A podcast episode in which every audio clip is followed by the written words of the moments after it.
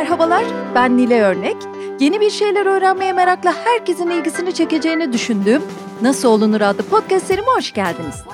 Bu seride mikrofonu mesleklerini ustalıkla icra ettiğini düşündüğüm insanlara yöneltip onlara aynı soruyu soruyorum. Nasıl olunur? Bu bölümde konuğum Zülfü Düvaneli. Hoş geldiniz. Hoş bulduk Nilay'cığım. Aslında hayat kadar meslekle konuştuğumuz için anonslarda mesleğe de değinmeye çalışıyorum ama müzisyen, yazar, yönetmen, senarist Zülfü Livaneli var karşımda. Tabii ki zor. Hatta bir dönem politika tecrübesi var. İlaç şirketinde çalışmaktan yayıncılığa pek çok farklı deneyimi var. Var da var. Bu bölümle neyi ne kadar anlatabiliriz bilmiyorum ama çok istedim bu sohbeti yapmayı. Zülfü Bey'in bütün kitapları bir yana Sevdalım Hayatı ben çok sevmiştim.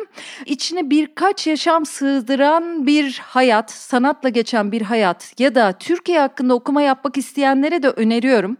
Ayrıca baktım Storytel'de zengin bir arşivi de var Zülfü Livaneli'nin. 13 kitap seslendirilmiş. Bu da şahane. Şimdi sondan başlayalım derim. Zülfü Bey aslında ben sizden başka bir kitap bekliyordum. Abdülhamit'in Sürgün Günü başlayan, üzerine dört yıldır çalışılan bir roman Kaplan'ın Sırtında. İsmi bile çok seksi. Kaplan'ın sırtındayken, iktidardayken iyi de yani düşünce hemen parçalar ya Kaplan. İddialı bir çalışma biliyorum ama onun yerine sizden bir novella geldi. İnkılap yayınlarından çıktı Balıkçı ve Oğlu. Bu da çok güzel, çok keyifli okudum. Gerekçelerini ben tahmin edebiliyorum ama size sorayım. Niye böyle bir değişiklik yaptınız? Teşekkür ederim. evet gerekçeleri biraz belli. Ben o romana çok çalıştım sahiden. Yani dört yılda yazdım. Ee, yazdım kitabı da. Ee, benim de çok hoşuma gidiyor doğrusu açıkçası. Ee, fakat e, bu ortamda yayınlamak istemedim onu. Yani bir buçuk yıldan beri falan. Dedim ki bu tartışma ortamında olmaz. Çünkü yanlış bilgiler ortalıkta uçuşuyor. Herkes e, gördüğü ya da bildiği bir şey körlerin fil tarifi gibi kendince bir e, Abdülhamit tarifi yapıyor. Yalnız Abdülhamit tarifi de değil. Geçmişle dövüşmek, geçmiş üzerinden birbiriyle kavga etmek gibi maalesef yanlış bir şey var e, alışkanlık. Ben bu konularda tartışmalara açığım ama bu düzeyde değil. Hı hı. E, bu arada da aklımda hep e, bu yıllar önce yazmaya başladığım, daha da önce yazmaya başladığım bu hikaye vardı. Adı Yunuslardı önce. Sonra Balıkçı ve Oğlu yaptım. E, o beni çok içine çekti. Zaten ben Bodrum'da yaşıyorum böyle bir köyde. Dolayısıyla deniz, balık, balıkçılarla konuşmak falan derken bunu yazmaya karar verdim. Bu geldi içimden ve beni çok e, mutlu eden bir kitap oldu bu sayeden. Ben bunu yazmakla hakikaten e, mutlu oldum. Daha önce ilk bölümü Cumhuriyet ekinde yayınlanmıştı. Yıllar önceydi. Hı hı. Yani böyle bir yazarın kafasında çeşitli hikayeler, çeşitli romanlar dolaşır. Hatta hiçbir yazar kafasındakileri yazıp bitirerek e, ölemez. Kim bilir Tolstoy öldüğünde kafasında ne romanlar vardı, ne savaş ve barışlar vardı. Bütün yazarlar öyledir. Yaşar Kemal de öyleydi. Ne kadar çok roman yazacaktı. Bana anlattığı romanlar var. Yazamadı. E, dolayısıyla bazen o öne çıkar, bazen bu öne çıkar. Hepsi bizim çocuğumuz tabii, çocuklarımız. E, tabii bir de şimdi sizi uzun zamandır izleyenler için sürpriz değil. Bir kere Hemingway hayranlığınız biliniyor. Onu cebe koyalım. İkincisi evet. e, 1970'li yıllarda Stockholm'da yazdığınız Bir Kedi Bir Adam Bir Ölümdeki akademisyenin buraya göndermesi var aslında değil mi? Bülent'in kehaneti var orada. E, o da gerçek oluyor bir taraftan. Yani bugünkü bugünkü göçmen sorununu sanki görmüş gibi orada anlatıyor. E, bir taraftan evet. da güncel bir takım durumlar da kitabın içinde.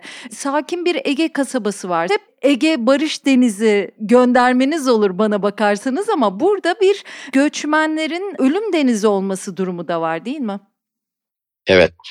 Ee, benim romanlarıma biraz daha geniş olarak bakarsak edebiyat anlayışım ortaya çıkar. Edebiyat anlayışım şudur bir büyük yol var.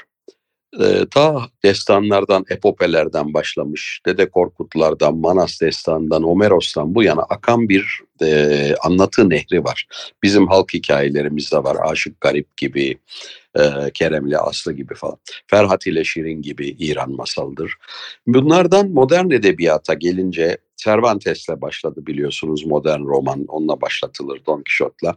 Ondan bu yana akan ulu bir nehir var ve bütün yazarlar kişileri, karakterleri, yarattıkları karakterler aracılığıyla kendi çevrelerinin, kendi dünyanın bildikleri dertlerine eğiliyorlar. Şimdi burada yanlış anlaşılmalar oluyor bazen. Sadece bu dertlere yönelirseniz ve benim hiç sevmediğim mesaj lafıyla bu romanın mesajı ne derseniz o didaktik bir roman oluyor. Fazla beğendiğim bir tarz değil. Ama bir takım karakterler yaşatıyorsunuz. İnsanı yaşatmak için, yeni bir insan e, yaratmak için romanda onu çevre şartlarıyla vermeniz gerekiyor. Çevresinde ne oluyorsa onunla. Çünkü hepimiz e, Aristoteles zoon politikon diyordu. E, yani insan politik hayvandır diyordu. Şimdi hepimizi politikada etkiliyor, çevrede etkiliyor, ekonomide etkiliyor. Duyduğumuz e, bugün televizyonlar, basın her şey etkiliyor bizi ve böyle oluşuyoruz.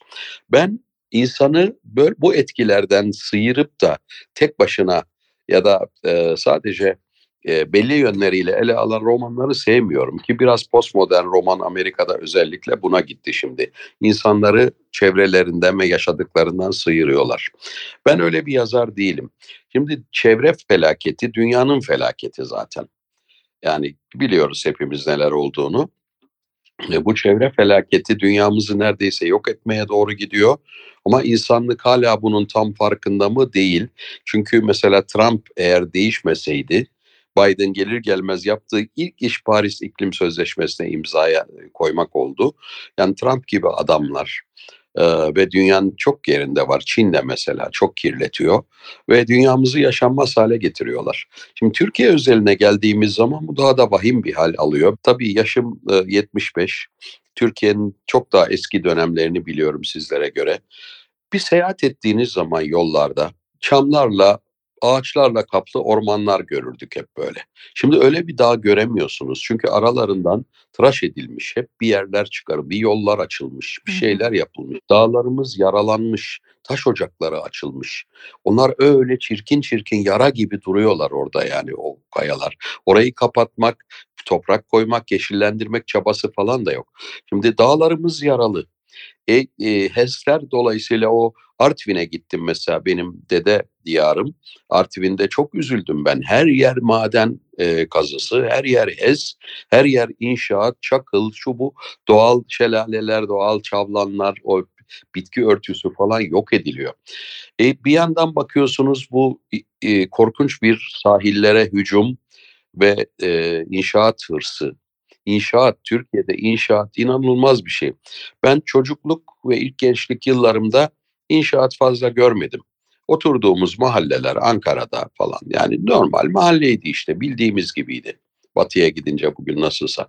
Fakat bu 70'lerden sonra falan başlayan bir inşaat çılgınlığı var. Hayatım Türkiye'yi bir şantiye olarak seyretmekle geçti. Ve bu durmadan devam ediyor, artıyor. Bir yandan bunlar var. Bir yandan da denizler ölüyor bu balon balığı meselesi, Marmara'daki bu deniz salyası meselesi, denizlerimiz de ölüyor. Ya biz nerede yaşayacağız, nasıl yapacağız? Yani sadece para denen bir e, kavram, soyut kavram için bu kadar tahribat yapılır mı? O yüzden bunun e, benim balıkçım Mustafa ve Mesude'nin hayatlarına etkisini ve köylülere etkisini ele aldım bu romanda. Peki şimdi size bakarsak dolu dolu yaşanmış bir hayat. Aslında sizin isminiz e, Ömer Zülfü Livaneli. Hep Tabii. dedelerden gelen soyadı dahil değil mi bir isim aslında? Evet. Sizin dedeleriniz nasıl bir ailede yetiştiniz? Biraz Kısaca kısa bir özetle. evet. Livaneli soyadı Livane'den geliyor. Livane Artvin'in eski adı. Osmanlı döneminde Livane sancağı. Çok kısaca söylemek olursak bu 93 Harbi denen 1877-78 harbi vardır. Çok e, bizi mahveden, aslında Osmanlı'nın Osmanlı'yı bitiren bir savaştır o. E, Abdülhamit de kucağında bulmuştur o savaşı yani sebebi değildir. E, o savaşta Rus orduları girdiler. Daha Erzurum'u falan da işgal ettiler. Geldiler böyle Bayburt'u her tarafı işgal ettiler. Biz yenildik maalesef.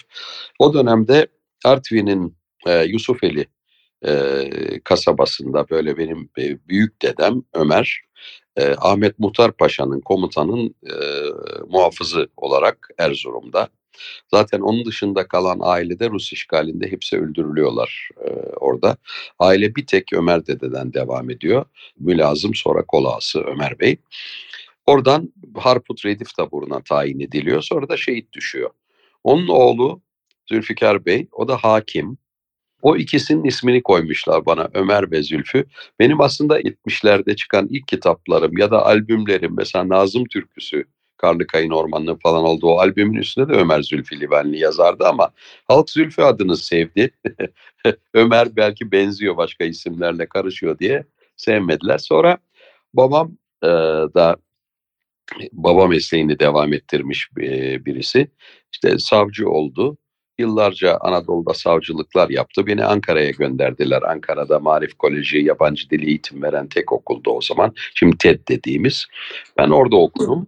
Sonra e, bildiğiniz gibi işte e, hayat böylece aktı gitti. Ben açıkçası annenizden mesela çok etkilenmiştim. Daha doğrusu sizin kendi biyografinizde anlattığınız anneden oradaki 200 satırdan 38 yaşında vefat ediyor. Çok genç bir yaşta anneniz. Evet. Siz orada evet. diyorsunuz ki anlayamamışlardı birbirlerini diyorsunuz. Babamla annemin ailesi. Çünkü biri Artvin Elazığ kökenli bir bürokrat aile, öteki ise Orta Anadolu'lu bir çiftçi ailesi. Ama orada evet. yazdığınız bir şey var. Arap aşı diye bir yemek var. Ilgın'dan evet. böyle gelen ve anneniz ara sıra onu yapıyor. Sizler yemiyorsunuz. Tek başına oturup yiyor. Yani orada annemi yalnız bıraktık dediğiniz bir yer var. Evet. Yani hiçbir empati duyabileceğim bir yaşanmışlığım yok ama o kadar hissettim ki oradaki anne duygusunu, oradaki yalnızlığı. Ben çok etkilenmiştim mesela ondan. Ama sonuçta anne de baba da büyük anne de değil mi çok etkili figürler. Hepsi böyle biraz da adaletle de ilgililer ve o dönemin Türkiye'si bir adil olma vurgusu var. İyi insan olma, Türkiye'ye yararlı olma vurgusu var ve siz okuyan bir çocuksunuz. Çok okuyan birisiniz değil mi? Evet evet çok. Yalnız şeyi anlatayım tabii rahmetli annem. Bir kere çok güzel bir kadındı. Hakikaten çok güzeldi. Ee, ve babamla işte 18 yaşında evlenmişler. Ee, babam Ilgın'a savcı olarak gittiği için o savcı adliyenin bahçesinden görülen bir bahçede böyle bir kız görmüş. Sarıya yakın saçlarıyla falan kim demiş? İşte dava vekili Asım Bey'in kızı demişler. Da talip olmuş, evlenmişler. Sonra hemen ben olmuşum e, 46'da. Şimdi enteresan bir e, şeyi vardı. Türkiye'de kültürler birbirine benzemez. Mezopotamya kültürü vardır, Kafkas kültürü, Karadeniz kültürü, Akdeniz, Ege, biliyorsunuz göçmen kültürü. Bu çok değişik kategorilerin bir araya geldiği bir ülkeyiz biz. O yüzden de herkeste birbirine karşı biraz bir e, yadırgama vardır. Mesela bizim ailede hep benim eşim de Rumeli. E, Rumeli'ye suyun öbür yüzü derlerdi. O Rumeliler de bu tarafa işte Anadolili falan derler. Yani böyle kültürleri bir araya getirip kaynaştırmak Atatürk'ün en çok uğraştığı meseleydi ama bir yere kadar tabii yapılabiliyor. Şimdi tabii bir Orta Anadolu ailesi, e, çiftçi ailesi zengince. Öbür tarafta babamın ailesi bürokrat. Yani subay dede, büyük dede Osmanlı subayı onun oğlu, hakim onun oğlu, savcı kardeşleri, savcılar, avukatlar falan.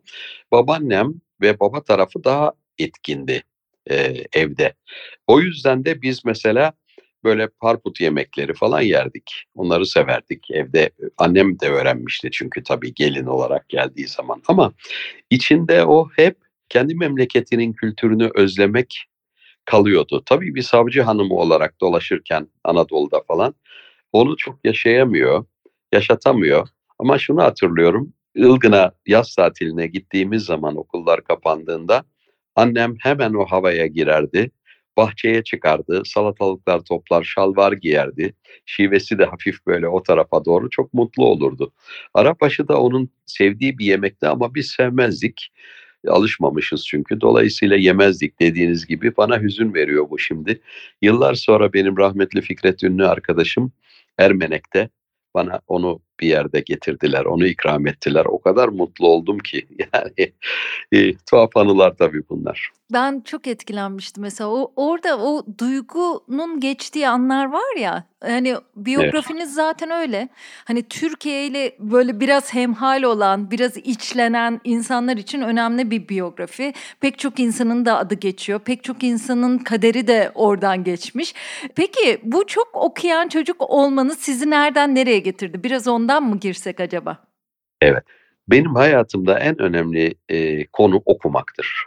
Beni büyük kitleler müzisyen olarak tanıdılar. Ama ben ondan çok daha önce yani çocukluğumdan itibaren nedense ne yapacağımı bilen bir çocuktum ben. Bu bir şanstır aslında. Ne yapacağını bilemeyen, daha yetişkin olduğu halde böyle acaba onu mu yapsam, bunu mu yapsam diyen insanlar görüyorum. Ee, bir şey istemek var ama ne kadar istemek çok önemli. İstemek yetmiyor. Ne kadar istemek? Mesela bir çocuğun aklına koyarsınız yani ben gideceğim Harvard'da okuyacağım. Bunu ister her çocuk ister ama ya okuyacağım ya öleceğim ya böyle ya böyle kadar isterse yapar o işi. Ben e, yazar olacağımı biliyordum. Çocukluğumdan biliyordum daha. Babamın da tabii etkisi oldu. E, Allah rahmet eylesin. Amasya'da savcıydı. Ben ilkokula orada başladım. Sonra üçüncü sınıfta Ankara'ya gönderildim koleje. E, orada okumayı yazmayı yeni sökerken Üç dergiye abone yapmıştı beni. Biri Pekospil, biri Köroğlu, biri Çocuk Dünyası. Evime böyle katlanmış üstünde adım yazan üç dergi geliyordu. Bu küçük bir çocuk için muhteşem bir şey. Bir de Amasya'da bir sinema vardı. Savcı locası vardı. Ben gündüzleri giderdim benim için film oynatırlardı. Tek başına bir çocuk düşünebiliyor musunuz? 8 yaşında gidip orada filmler seyrediyor. Yani babam hep derdi zaten Zülfü'nün hayalhanesi geniştir diye. Ben hayatta ne yaptıysam hayal gücüm sayesinde yaptım. Hayal gücümü de kitaplar geliştirdi. Kitap okumasaydım bugünkü ben olamazdım. Mümkün değil. Biraz daha bu konu üzerinde konuşmak isterim aslında. Tabii ki.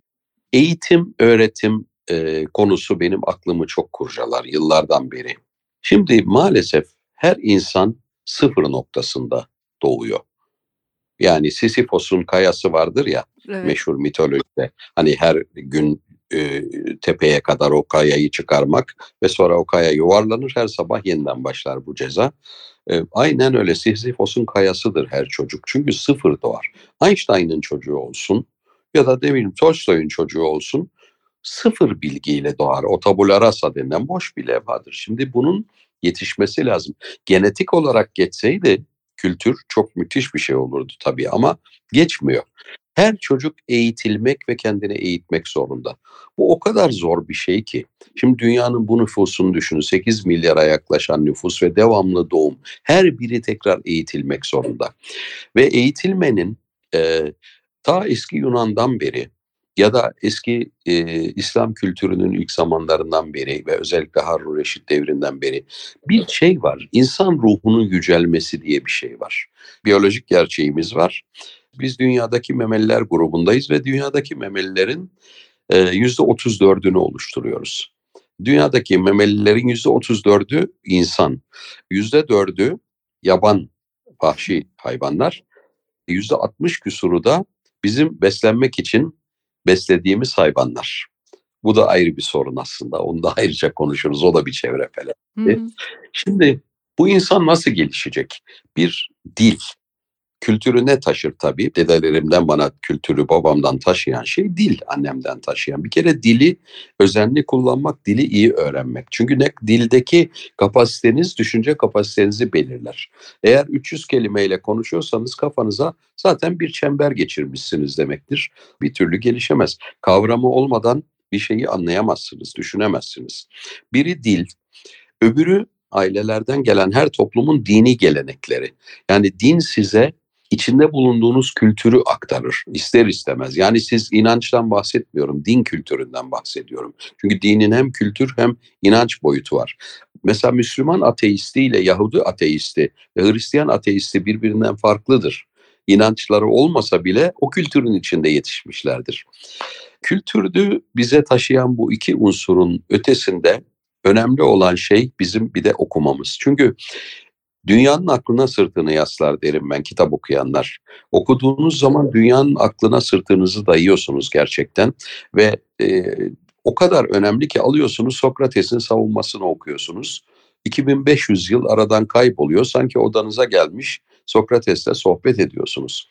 Bu tabii giderek geliştiriyor. Nasıl böyle hani bodybuilding falan yapıyorlar insanlar gidiyorlar çalışan kas gelişiyor.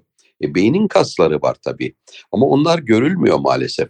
Mesela birisine diyorsun ki Naim Süleymanoğlu gibi halter kaldır. Yok kaldıramam diyor. Onun diyor o kaslarını görmüyor musun?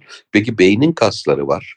50 yıl, 60 yıl insanlar okuyorlar, geliştiriyorlar beyin kaslarını. O görülmüyor tabii. Şimdi ben de kitaplara bu bakımdan çok önem veririm.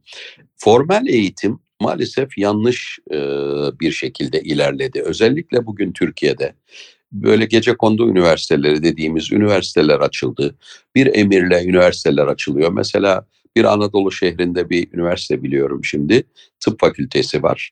Bir tek hoca var. Bir tek hoca. Ama orayı bitiren insan doktor diye diploma alacak. Çünkü Türkiye'de diploma fetişizmi var. Bilgiyi almak değil diplomayı almak önemli olan. Sonra da ben artık her şeyi öğrendim diye kapatıyor. Yani fakülteyi bitirdiği zaman herkes ben artık oldum deyip kapatıyor. Bir daha okumuyor. Bu çok kötü bir şey. Bu benim aslında hayatta en çok mücadele ettiğim şey. Çünkü öğrenmek hayat boyu süren bir şeydir. Ben şöyle bir lafım var. Her gün bir şey öğrenirim. Bir şey bilmem ama her gün bir şey öğrenirim ya da birkaç şey. Öğrenmediğim gün bana boşa geçmiş gibi gelir. Ama bir de bir fix menü meselesi var. Bu beni çok meşgul eder. Mesela bir lokantaya gidersiniz size fix menü derler işte değil mi? İçinde börek var, köfte var, bilmem ne var. Sonunda da şu var. Ya ben börek istemiyorum. Ben başka bir şey istiyorum. Ben mesela et yemiyorum. Başka bir şey istiyorum. Hayır o gelmez size. Fix menüdür o. E, eğitim de böyle. Hangi konuda işte şu konuda eğitilmek istiyorsun. Ya okula giriyorsunuz size sadece onu öğretiyor. Peki ama onun yan, yön, kendi hayatımdan örnek vereyim. Ben üniversite hayatıma başladığım zaman liseden zaten çok büyük hayal kırıklığı e, oldu benim için. Yani lisede yani o öğretim. Daha sonra üniversite hayatıma başladığım zaman Stockholm'de ya ben felsefe okumak istiyorum. Bir de müzik okumak istiyorum. Bu ikisi de müzik beni çünkü tesadüfen içine aldı. Ben amatör müzisyendim tabii çocukluğumdan beri o da ayrı bir hikaye. Evet, Fakat yani profesyonel müzisyen olma niyetim falan yoktu. Rastlantıyla böyle oldu. Ama böyle de olunca film müzikleri falan yapıyorum. Müzik okumam lazım işte okullar okullar. Onun için ben Stockholm'de hem felsefe okudum hem müzik okudum. Böyle bir tek okulda olmuyor bu. Sizi hem müzik ve dalı seçmelisiniz. Ben müzik ve felsefe okumak istiyorum. Ya matematik ve müzik okumak istiyorum. Ki çok ilişkilidir birbiriyle matematik ve müzik. Yani matematik sessiz bir müziktir hatta. Yani notalara falan bakarsanız. Dolayısıyla beni yetiştiren, beni oluşturan şey hakikaten kitaplardır. Yani hayatta bir takım insanlar kendilerine yol çizmek istiyorlar falan ya ben şöyle söyleyeyim bakın bakışları bile değişir insanın. Ben yüzde 99 yanılmam insanları gördüğüm zaman onun bakışından okuyan ya da okumayan bir tip olduğunu anlarım. Dolayısıyla gençlere şunu söylüyorum. Okuyun, okuyun, okuyun. Okul dışında okuyun. Zevk olarak okuyun. Çünkü dünyanın en büyük zevki okumaktır. Hayal gücünüzü, bilginizi, her şeyinizi geliştiriyor. Tabii sizin gençliğinize baktığımızda böyle boş konuşmadığınızı da bu alanda zaten yazdıklarınız bir yana hani çocukkenden bu yana e, görebiliyoruz. Milliyet gazetesinin açtığı bir yarışma için mesela evet. birçok çocuk ıslah evini gezmişsiniz. Suçlu Çocuklar evet. adlı bir inceleme yazmışsınız. Sonra evet. Hemingway'in etkisiyle küçük roman yazmışsınız bir boğa güreşçisiyle ilgili. 15 yaşında ilk e, romanınızı yazmışsınız diyebilirim değil mi? Evet, e, böyle tabii o çocukça roman denemeleriydi ama Çanlar Kimin için Çalıyor radyo tiyatrosuna uyarlamıştım o yaşlardayken. o benim için çok güzel bir deneyim olmuştu. Evet, edebiyat beni e, çocukken neredeyse sarhoş etti. Yani o kadar büyük bir zevk aldım ki. E, işte e, meşhur kitap tapına hikayem vardır. E, okula sabaha kadar kitap okuduğum için o, okula giderken ertesi gün tabii uykusuz kalıyorum falan. Babam annem bunu istemiyorlardı. Evlerde bilirsiniz Ankara evleri işte böyle memur evi, basit bir memur evi. Buzlu cam vardır e, kapıda. Buzlu camdan bakıyorlardı. Işık varsa gelip kapatıyorlardı. Tabii tabii ben çok de, kızmışlıkları var değil mi? ya var. Bu arada sizin e, okuma alanınız da çok enteresan. Şimdi orada dini mevzular var çok genç yaşta. Hatta babanız sizi zaman zaman kolluyor da uyarıyor da siz yine de tamamını okuyorsunuz ve kendi bilincinizi ona göre oluşturuyorsunuz değil mi? Yavaş yavaş size evet. aslında var eden bir o müzik gibi görüyorum. Çünkü babanız aslında size bir saz alıyor. O zamanlar Ankara'da sazla gezmek çok da popüler bir şey gibi görülmeyebilir ama oğlum İngilizce okuyacaksın. Al yani Anadolu'yu da Türkü'yü de kendini de kavra diyor. O tarafınızda da geliştirmek istiyor. Anneniz tarafından da öğreniyorsunuz o müziği. Ama bir taraftan da okumalarınız sadece batıya yönelik değil. Bir süreden sonra her şeyi okumaya başlıyorsunuz değil mi? Evet. Aslında e, çok karmaşık gibi görünen ama bence olması gereken şeyler oldu. Mesela Amasya'da babam savcıyken ilkokula başladığımda Kur'an kursuna gönderiliyordum. Kur'an kursuna da gidiyordum. Böyle Elif Bağ cüzü diye boynumuza astığımız içinde şey olan cüz olan gidiyorduk orada Elif B, T, S, C diye işte öğreniyorduk. O bayağı bildiğiniz yere otururuz ya hoca elinde uzun sopa falan. Hı hı. İşte o, o şekilde bir Kur'an kursu da ben gördüm. Marif Koleji denilen TED'de de İngilizce yabancı hocalardan eğitim gördüm. E, halk müziğini çok sevdim. Yani gitar çaldım Elvis Presley ve o zaman meşhur e, parçalarını da çalıyordum ama evde de saz çalıyordum. Çünkü o dönemde hakikaten saz çalmak yani taşıyamazdınız bile hele o kolej çevresinde falan bugünkü gibi değil. Oysa bizim ne kadar onurlu, güzel, milli çalgımız değil mi? Ama o dönemde öyleydi. Sonra Alevi dedeleri keşfettim ki Sünni bir ailede büyüdüm ama Alevilerin o müthiş müziğini ve felsefesini daha çocuk yaşlarımda kalbimde hissettim. Muazzam insani bir kültür, müthiş bir kültür. Ee, sonra Ilgın'da bir yaz tatilinde kitap okuyorum parkta.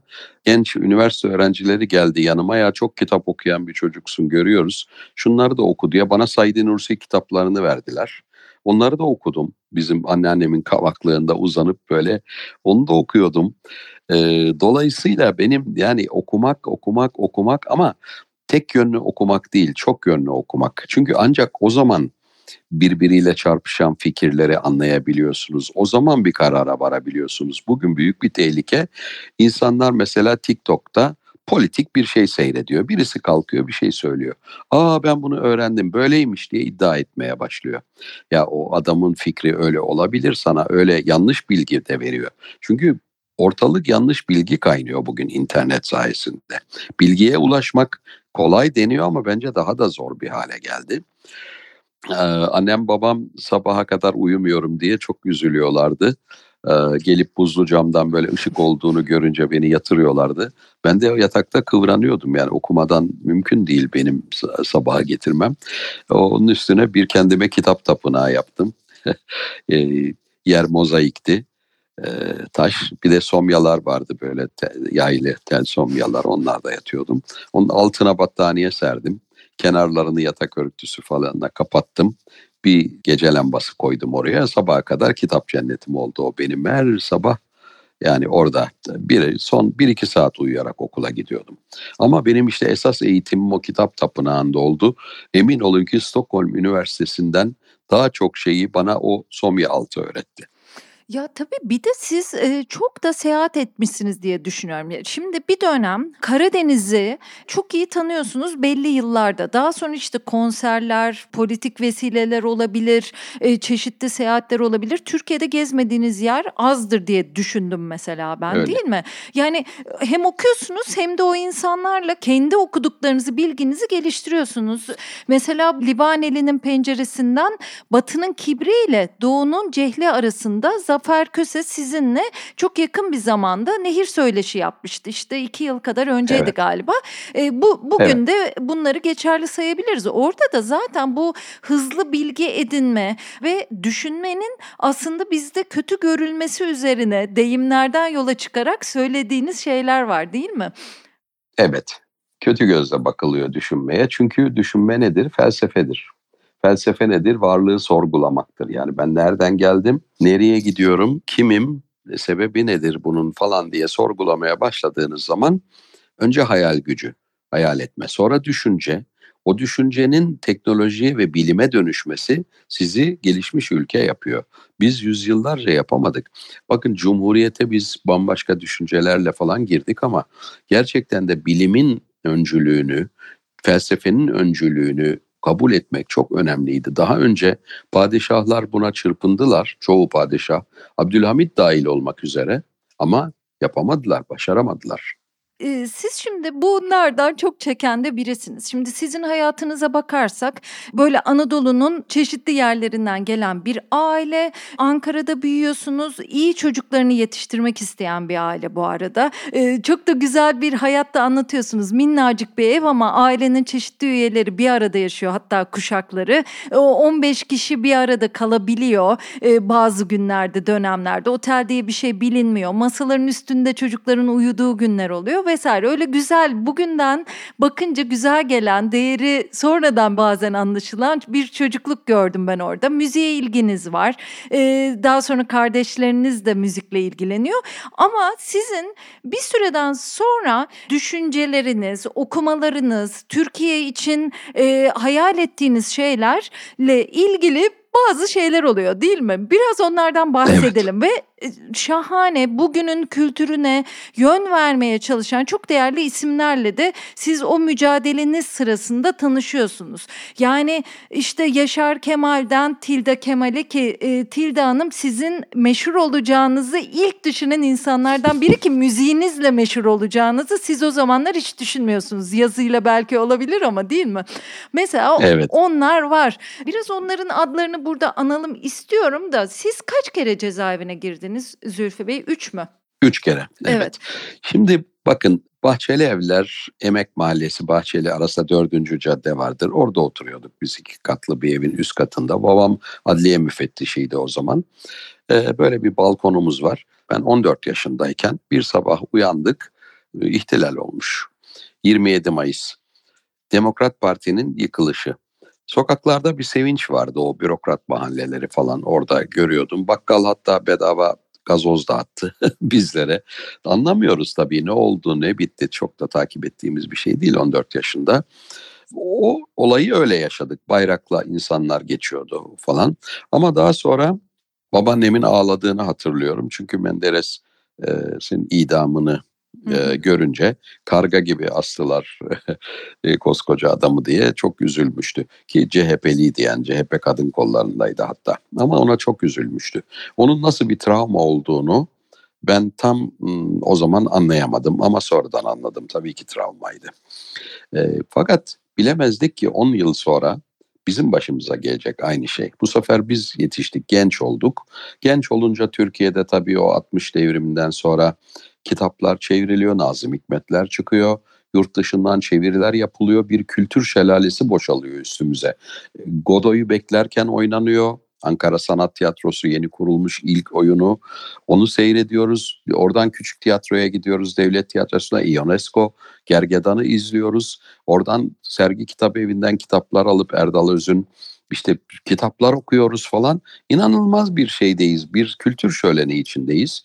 E bu bizi tabii sola yöneltti. Çünkü dünya entelejansiyası, dünyadaki kültür solun etkisindeydi. Solu da şöyle yani kardeşlik ve hümanizm böyle algıladık biz. Ve tabii emek, emeğin e, kutsallığı. Yıllar sonra Jacques Lang, Fransa Kültür Bakanı Jacques Lang geldi. Mitterrand'ın bakanıydı. Orada oturduk konuştuk. Dedi ki bana bu soruyu soruyorum hep. Seni ne e, solcu yaptı dedi. Dedim ki düşündüm düşündüm hümanizm dedim. Beni de öyle dedi. Aslında çoğumuz öyle olduk. Yani bir kültür bizi sol politikalara yöneltti. Ama bizim düşündüğümüz sol eşitlik, kardeşlik, emeğin hakkını alması, barış bu ilkelerdi. Hala öyledir. Yani ben onun dışında hiçbir zaman bir şey düşünmedim. Diktatörlük falan düşünmedim mesela.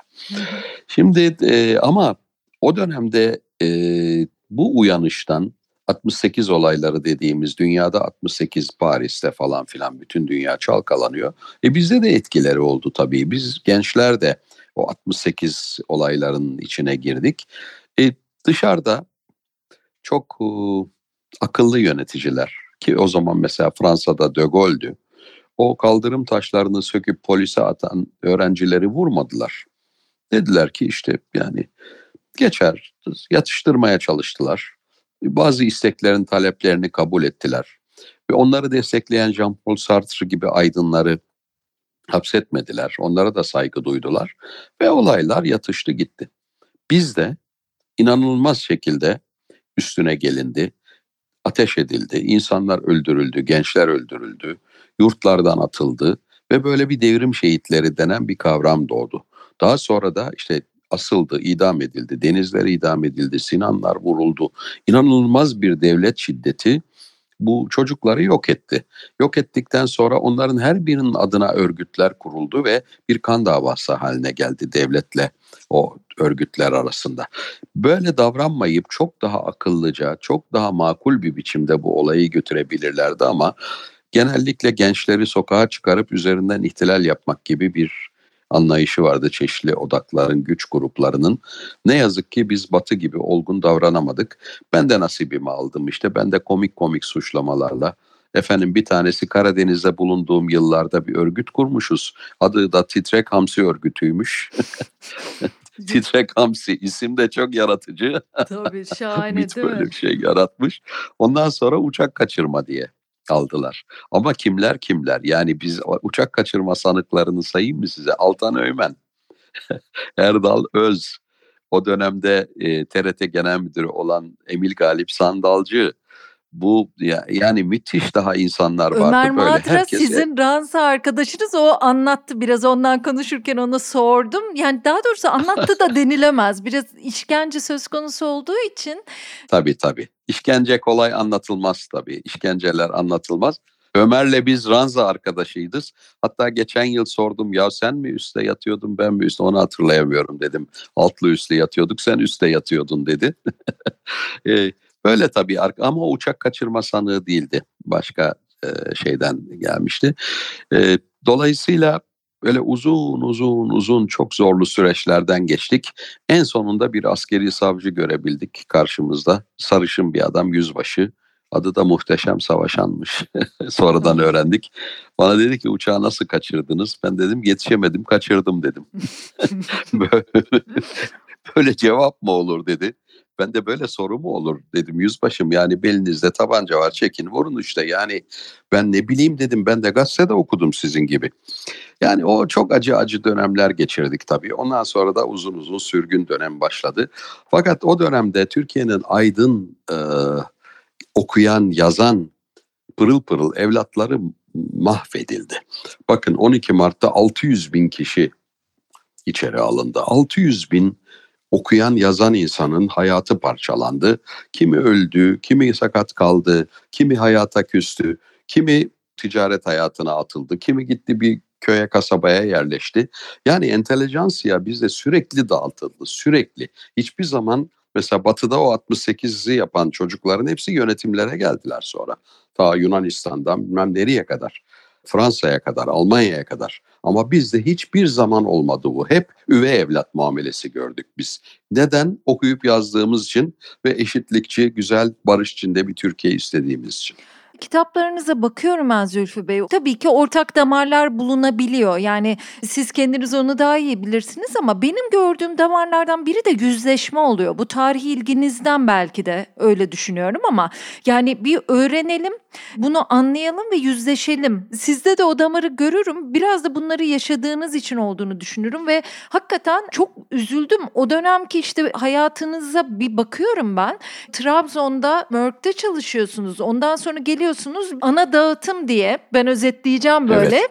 Bir dağıtım şirketi kuruyorsunuz ve oradaki akımla herkes okuyor, çok heyecanlı tiyatrolar, bir kültür açılımı var, akışkan bir dünya var. Siz de diyorsunuz ki deli gibi kitap satılacak ama o dağıtım şirketi öyle kitap satamıyor ilk önce. Yani böyle 600 kitabı bile satamıyorsunuz ama Ekim yayınları başarılı oluyor ve orada da ben mesela e, şimdi bakınca o kadar girişken olduğunuzu düşünmemişim ama ne kadar girişkensiniz aslında o dönemde. Mesela sadece kitap yayınlamakla kalmıyorsunuz. Bakıyorsunuz dergiler ya da gazeteler çok da manşet bulamıyorlar. Kitaplardan alıntılar yapıyorsunuz. Gazetelere gönderiyorsunuz. Onlar manşet oluyor. O kitaplar çok satılıyor. Çok güzel. Ekim yayınları çok başarılı oluyor. Tabii orada Ankara Birlik Tiyatrosu, Asiye Nasıl Kurtulur dönemi var mesela ama o dönemki Vasıf Öngören. Evet Vasıf Öngören isimlerden biraz saymak isterim. Ben bir yere not ettim ama tabii ki çok eksik olacaktır. O dönemi anlayalım diye söylüyorum. Siz diyorsunuz ki zaten o dönemde gördüğümüz insanlar garip bir insan galerisini sergiliyordu diyorsunuz. Evet. Mesela Uğur Mumcu var, Doğan Avcıoğlu, Hasan Tabii. Cemal, Uluç Gürkan, Cengiz Çandar, Şahin Alpay, Doğu Perinçek, Sarp Kuray, Mahir Çayan, Vahap Erdoğdu, Münir e, Aktolga, Muzaffer Erdost, İlhan Erdost, Mihri Belli, Erdal Öz, Süleyman Ege, Oğuz Onaran, Kurtan Fişek gibi insanlar işte Vasıf Öngören'den siz bahsettiniz. Hikmet Kıvılcımlı var. Nevzat Üstün var. Evet. E, Semeya Berksoy evet. mesela geliyor size diyor ki ya biliyor musun bende Nazım'ın saçı var diyor. Sık sık bunu tekrarlıyor mesela siz o e, solcu kutsal emanetine e, gülüyorsunuz falan. Şimdi o dönemi düşününce insan hüzünleniyor. Onun için e, ben e, Sevdalım Hayat kitabından bahsederken Türkiye'nin bir dönemini de okumak lazım diye de e, özellikle söyledim yani Onat Kutlar size sahte pasaport getiriyor. Yani bu nasıl bir hayattır? Sizin isminiz Mehmet Yılmaz Basmacı oluyor. Şimdi bunlar tabii evet. koca bir hayat olunca hızlı hızlı geçtiğimiz ayrıntılar ama çok çok önemli. Yani hani mesela Akay sayılır var. Emil Galip Sandalcı evet. var. Büyük işkence görmüş. Abdi Yazgan, evet. Erdal Öz, Ömer Madra, Nejat Bayramoğlu. Yani pek çok evet. insandan bahsediyorsunuz ve siz de 8 gün işkence bekliyorsunuz. O da ayrı bir işkence evet. değil mi? Yani evet. bir de orada bir sahne var. Ben hızlı hızlı anlatıyorum ki gerisine hızlı devam edelim. Koca bir hayat diye. E, sizin isminiz o uçak kaçırma olayıyla ki başka şehirdesiniz aslında o olay olduğunda evet. anons edildiğinde siz Gülhane Parkı'nda Yaşar Kemal'le buluşuyorsunuz. Yani film evet. sahnesi gibi bir sahne canlandı gözümde yani. Gerçekten Gülhane Parkı'nda o zaman gidilir çay içilirdi falan. Ben aslında İstanbul'u bilmiyorum da İstanbul'daydım o sırada kayınvalidenin evinde kalarak. Sonra bir gün radyoda adım okununca hem de yakalandı diye okundu. E ben nasıl yakalandı yani neredeyim dışarıda mıyım içeride miyim? E, müthiş tabii e, korktuk eşimle. Yaşar Kemal'e gittik Basınköy'e dolmuşa bindik gittik ama evde yoktu. Sonra geldik Sirkeci'de ne yapacağımızı düşünüyoruz. Orada gördük Yaşar abi işte rastladık. Sonra gel Gülhane Parkı'na gidelim dedi. Ha ilk gördüğü zaman beni ne zaman kaçtın dedi. Hapisten kaçtım zannetti. Çünkü yakalandı diye anons edilince. Evet. Ya dedi bu çok tehlikeli. Sen şu anda hapiste görünüyorsun. Yani dışarıda falan vururlar. Kaçtı vurduk derler dedi. Gülhane Parkı'na gittik çay içiyoruz. Kara kara ne yapalım?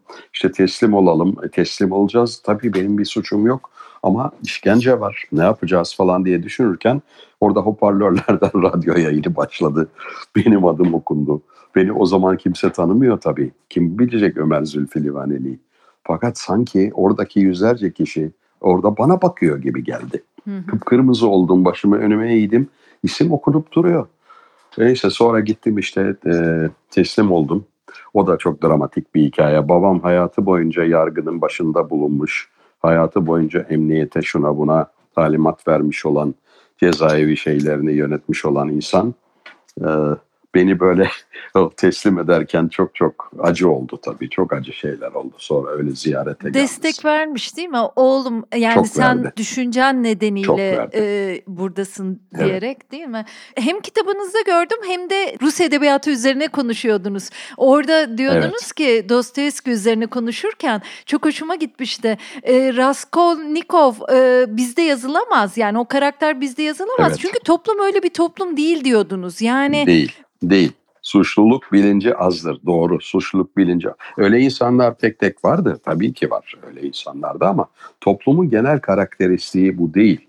Suç işledin gizli kaldı. Tamam işte ne güzel ortalıkta yapardı. Yani kendi kendine hesaplaşmak e, bu suçtan dolayı cezamı çekmem lazım ancak öyle ruhum kurtulabilir falan anlayışı pek bizde böyle bir şey yoktur. Onun için Raskolnikov yazılmaz yazılsa da pek gerçekçi olmaz.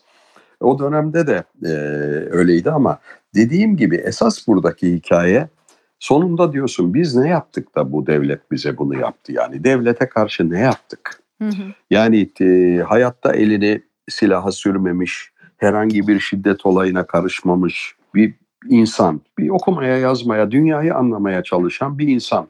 Evet o döneminde etkisiyle ve hümanizm ve kültür etkisiyle sol düşünceler var ama bu kadar. Peki niye benim hayatımı paramparça etmeye çalıştı devlet? Ve ederdi de yani birçok insan e, bu dönemden sağ ya da salim çıkamadı maalesef. E, çok büyük yanlışlar yapıldı çok. Ben her konuda çok yanlış yaptığını yönetimlerin Yani sadece şimdi efendim şu anda hükümet böyle yapıyor. Daha önce cennet gibiydik falan da diyenleri ben e, anlamıyorum. Çünkü e, hakikaten eski yaşadığım hükümetler döneminde gördüğüm her hükümet yanlış yaptı. Kürt meselesinde yanlış yaptılar. Öğrenciler meselesinde, sağ sol meselesinde her konuda ben yanlış yapıldığını gördüm bu ülkede.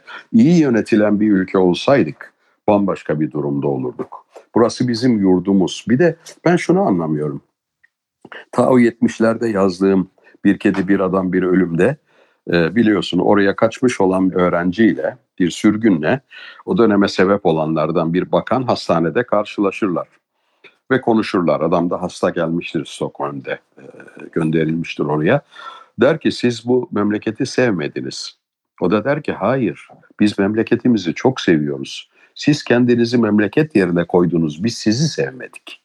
Ya, hmm. Bu bence çok önemli, çok önemli bir şeydir bu. Tabii. Vay sen bu vatanı sevmiyorsun, bu toprağı sevmiyorsun, yerli ve milli değilsin. Ya nasıl Allah aşkına ben bu toprağın türkülerini yapmışım. Halkın hafızasına artık kromozomlarına karışmış. Herkes söylüyor. Ben bu ülkeyi seven bir insanım. Başka bir yere yani mecbur kalmadan gitmedim. Ben burada yaşıyorum ve ülkemi seviyorum, kültürümü seviyorum. Daha iyi olsun istiyorum sadece. Bütün mesele bu. Bunun için de tabii sorunları görmek ve eleştirmek gerekiyor. Eleştirmediğiniz zaman nasıl yani sevdiğiniz insanı eleştirirsiniz değil mi? Daha iyi olsun diye. Toplumda da aydın görevi zaten budur. Yoksa böyle her gelen hükümetin dümen suyuna girip paramı kazanayım falan diyen insanlar dünyada pek aydın maydın denmez bunlara.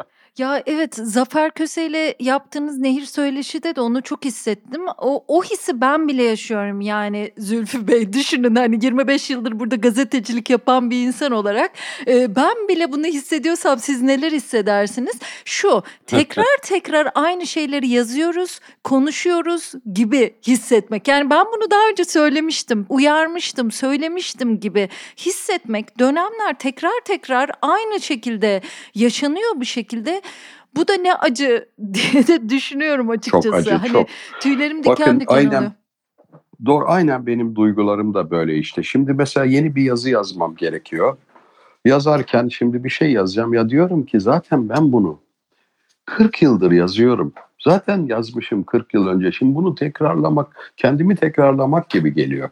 Ama ister istemez her kuşak hayatı kendisiyle başlatıyor. Ve bilinmiyor. Çok fazla kitap da okunmuyor tabii. E, düşünce kitapları daha çok. O yüzden tekrar ediyorsunuz. Mesela benim en çok canımı yakan şudur. Ben 90'lı yıllarda Türkiye'de bir sağ sol algısı vardı işte Türkiye'deki sağ sol mücadelesi. Ee, hükümetlerde falan. Ben de diyordum ki Türkiye bakın dağılıyor. Türkiye'de sağ sol dağılıyor. Ee, bu Türkiye üç kutuplu bir Türkiye'ye gidiyor. Hı hı. Bu benim lafımdı. Üç kutuplu Türkiye'ye gidiyor. Yani bir tanesi dini referans alan grup, birisi laikliği savunan grup, birisi de Kürt grubu. Bu üç bölüme gidiyor ve bir süre sonra insanlar e, birbirlerinden nefret eder hale gelecekler. Yani sağ sol ülkeyi gene bir nevi ekonomik bir şeydir çünkü en sonunda hükümet düzeyinde hangi politikaları tercih edeceğinle ilgili bir şeydir. Ama öbürü etnik ve dini kökenlere indiği zaman toplum bölünür mahalle mahalle bölünür, şehir şehir bölünür ve birbirinden nefret eder. Ya ben bunu belki yüz kere yazdım ama düşüncenin bir önemi yok ki bu memlekette. O tuzağa Türkiye göz göre göre gitti düştü. Ve şu anda da evet üç kutuplu bir ülkeyiz işte artık. Yani ulus birliğinden çok fazla söz edilemiyor maalesef içim yanarak söylüyorum ama burada böyle bir tek ulus yaşamıyor ki birinin ak dediğini öbürü kara diyor. Bekir Ardır'la biz bunu konuşurken o güzel bir şey söylemişti. Tepeden çok ayrıştırılıyoruz ve öyle görünüyoruz ama aslında sokakta insanlar mahallede daha çok birlikte olabilsek bu kadar ayrı değil. Bir apartman içerisindeki insanlar birbirleriyle daha muhabbet halinde muhafazakarı ya da öyle olmayanı diye söylemiştim. Ben onun için hep umutlu bir tarafından da bakıyorum. Sizin de aslında çok umutlu tarafından bu kadar yaşanmışlığa rağmen baktığınızı ve iyiliği düşünmek üzerinde de çok düşündüğünüzü de biliyorum. Değil mi? Tabii Bekir'le e, fikirlerimiz e, benzeşiyor. Benim dediğim gibi 40-50 yıldır yazdığım şeyler bunlar. E, e, Türkiye toplumunu yani politikalarla bölmeye çok çalıştılar. Ama Türkiye'nin şöyle bir direnci vardı. Bir nevi antikor geliştirmişti halk. Çünkü imparatorluk yıkılınca Kafkasya'dan gelen, Mezopotamya'dan gelen, Rumeli'nden gelen, bir her yerden gelen insanlar burada kendilerine bir hayat kurmuştu. Onun için bir apartmanın bir katında e, kökeni Belgrad'da olan bir aile oturur, öbüründe Şam'da oturan bir aile. Ve bunlar birbirlerine işte bir şeyler gönderirler falan. Bu bizi e, iç savaştan korudu şimdiye kadar. E, ama yapılan politikaların yanlışlığı o kadar ileri gitti ki şu anda e, ne kadar daha koruyacak onu bilmiyorum. Yani bu bölünme çok feci bir bölünme. Yani diyorum ya 90'lı yıllardan itibaren ya kaç sene geçmiş aradan 30 sene geçmiş ben bunları yazarım hep. Politikacılıkta denediniz. Biraz pişman olduğunuzu ve onun aslında hiç de size göre olmadığını düşündüğünüzü biliyorum ama yine de Ercan Kesal'la böyle bir şey konuşmuştuk mesela. O da Nasipse Adayız diye filmini bile yaptı şimdi. Çok da başarılı bir film olmuş. O o günlerine kendine dışarıdan bakınca trajikomik bir şey gördüğünü söylüyor mesela. Siz nasıl görüyorsunuz? Kamuoyunun önünde olduğunuz zaman, kitleniz büyük olduğu zaman ve özellikle de bilinçli böyle politikadan gelen bir insan. Çünkü politikayı sadece parti politikaları olarak düşünmeyin meclis olarak. Biz politik bir kuşağız. 68 tabii ki Türkiye'yi düşünerek 20'li yaşlarında hapse girmiş bir kuşak. Niye girdik? Politika yüzünden. Dolayısıyla siyasetten ayrı insanlar değildik. Tabii. Ama parti politikaları ya da makam, mevki, bakan, şu bu falan olmak öyle bir düşüncemiz yoktu. Fakat sonra öyle bir dönem geliyor ki mesela çok büyük kitleler birikmeye başlıyor. Yani bir yere gidiyor ya 500 bin kişilik konserler oluyor, bir şeyler oluyor falan ve milyonlarca kişi e, sizden bir tavır bekliyor. Onun baskısını hissediyorsunuz. O kolay bir şey değil. Yani gerçekten bir şey yap. Madem bu kadar gücün oluştu, bir şey yap duygusu. Ve insanın içinden de geliyor tabii bir Don Kişotluk hepimizde vardır bir nevi. Daha sonra aday ol, aday ol, aday ol baskısıyla adaylık. Ama ben size bir şey söyleyeyim. Ben çok saf bir şekilde girmişim 94'te.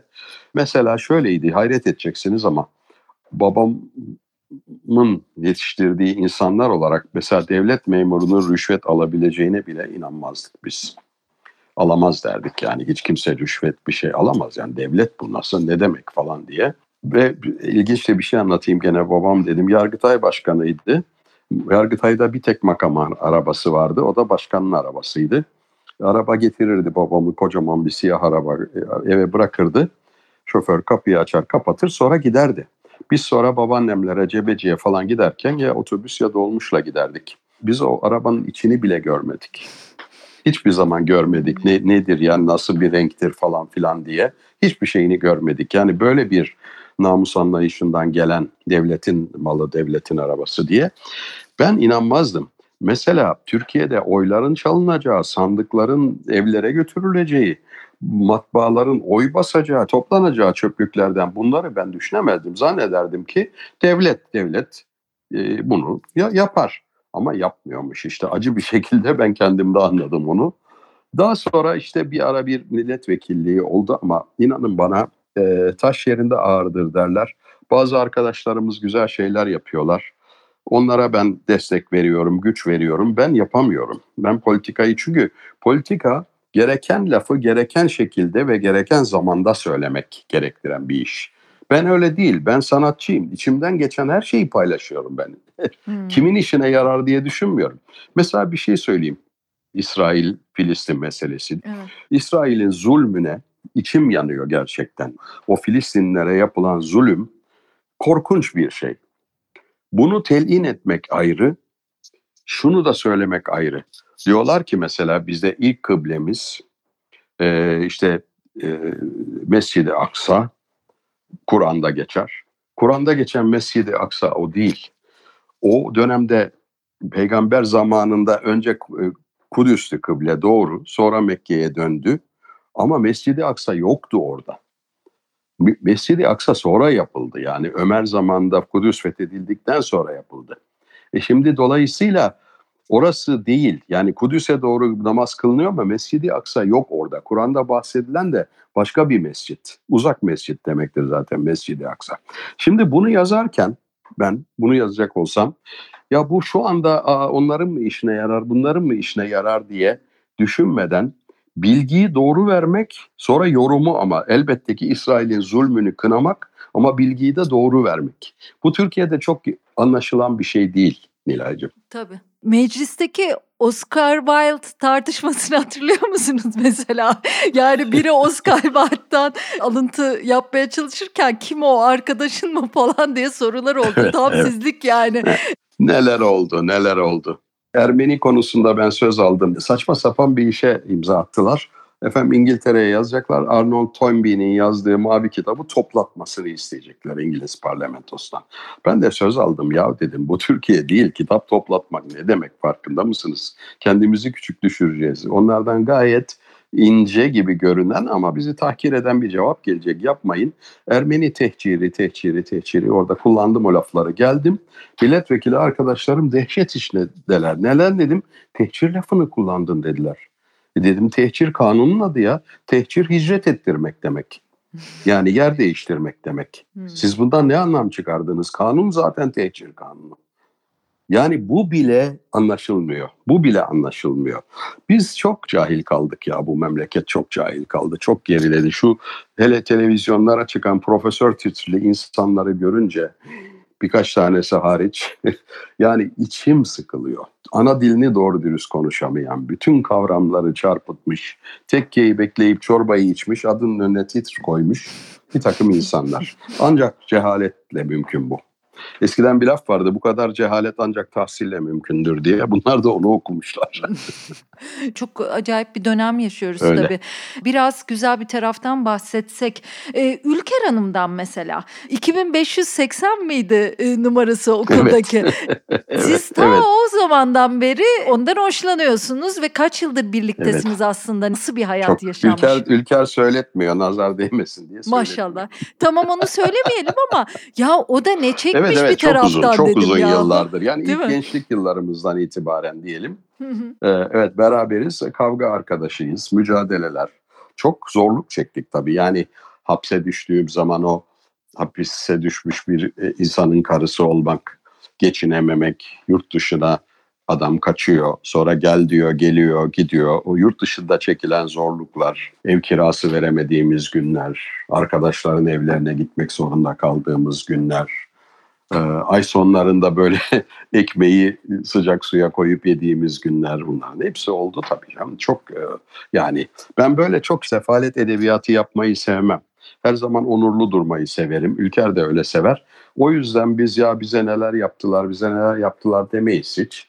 O yüzden de insanlar zanneder ki böyle o hep el bebek gül bebek yaşadık. Oysa öyle değil tabii kolay mı? Ya bunları vurgulamak istiyorum böyle yayınlarda. Çünkü hani bugünden bakanlar sizi bugünden görüyorlar ya ama aslında bir yaşanmışlık, evet. bir geçmiş var. Onlardan da bahsetmek lazım. Bir de Tabii. hani bu kadar başarılı bir erkeğin arkasında, yanında, e, yanı başında da bir kadın var. Ülker Hanım'ı da öyle çok gördüm aslında. Çok uzun zamandır öyle ve siz de hep edebiyata bağlıyorsunuz ya bazı yaşanan olayları. Mesela işte siz e, cezaevine girince kızınızı Aylin Hanım'a diyorlar ki Aylin Hanım'ı da Aylin Livaneli'yi de bir kuşak iyi bilir zaten şarkılarıyla. Mesela ona diyorlar ki kızım baban İstanbul'a gitti. Siz onu mesela evet. bir romana bağlıyorsunuz ya da işte eviniz aranıyor. Polislere diyor ki Ülker Hanım ya ev yeni temizleniyor siz ayakkabılarınızı girdiniz dağıtıyorsunuz. Onlar hemen toparlanıyorlar evet. o dönemin insanları. Siz evet. onu işte George Orwell'a bir göndermeyle anlatıyorsunuz değil mi? Evet. Aslında edebiyat ne kadar da güncel hayatta örtüşüyor. Tabii.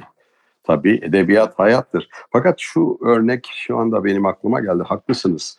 O e, polisler gittiği zaman eve o kadınlar titizdir ya ya ev temizleniyor girmeyin öyle kirli ayaklarınızla falan demiş. Onlarda da bir yenge duygusu. Peki yenge falan deyip ayaklarını çıkarmışlar. Aynı şey biliyorsun e, bu Sarıyer'de oldu.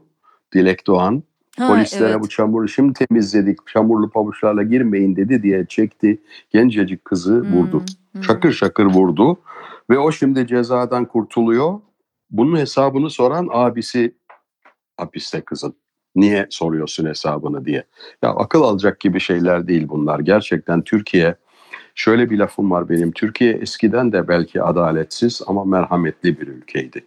Şu anda hem adaletsiz hem merhametsiz. Yani sosyal medyada görüyorsunuz insanlar politikayla ne alakası var? O tren katliamında çocuklarını kaybedenler Mısra Özler değil mi? Diğer, yani çırpınıyorlar ya yani artık çocukları geri gelmeyecek de hiç olmasa adalet yerini bulsun. Değil mi? O oyunu da yapan insanlar biz cehennem acıları çekerken biraz onlar da bir ceza görsün. Hayır onlar korunuyor. Rabia Naz'ın babası çıldırıyor. Hayır korunuyor. Nadira'nın işte olayı, Gülistan Doku. Hı hı. Yani saymakla bitmiyor ya. Bu kadar mı olur? Bu kadar mı olur? Bir de peki bunu bana izah etsinler. Yani hükümet falan İçişleri Bakanı ya da ne bileyim Cumhurbaşkanı ya bu genç kızların, bu çocukların katillerini korumanın ne gibi bir manası var? Ben anlamıyorum ki. Dini bir anlamı mı var? Politik bir anlamı mı var? Yani nasıl bir anlamı var bunun? Öldüren cezasını görsün kardeşim. Bu kadar şiddetli bir şey. Ailelerin bir parça belki teselli olsun ailelere. Ben gerçekten Türkiye'yi anlayamıyorum artık. Ya tabii böyle sürekli bir adalet beklentisi e, böyle yaşar olduk. Evet. Geçen gün Mehmet Açar'la konuşuyorduk. O şöyle bir şey söyledi. E, sinema geciktirme sanatıdır dedi film ve dizi. Hı hı. Mesela başta kötü hı. bir adam görürsünüz onun Hı. cezasını çekmesi için bekleyerek izlersiniz. Ya ben Türk dizilerinde Doğru. dedi hani acı çekiyorum bazen çünkü senelerce sürebiliyor o kötü adamın kötülüğünün cezasını Doğru. çekmesi. Şimdi Türkiye'de de ben de Doğru. böyle hissediyorum. Yani bir takım insanlar var asla ceza çekmiyorlar. E, bir takım insanlar dediler ki bir takım insanları bizden olursanız cenneti dünyada yaşarsınız. Yani cennet için evet. öteki dünyaya bile ihtiyacınız yok. Ama ben şuna Öyle. inanamıyorum Zülfü Lütfü Bey.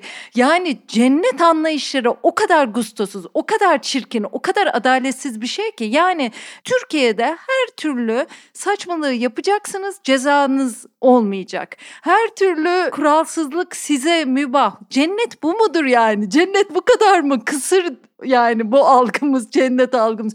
Ben çok, çok üzülüyorum kötü. burada yaşayan Bu din falan olarak. değil tabii. Bu tabii, başka tabii. kötü bir folklor bu yani. Tabii. Din falan değil. Mesela birisi çıkıyor, ölmüş bakire kızlar e, şehitlere verilecek diyor cennette.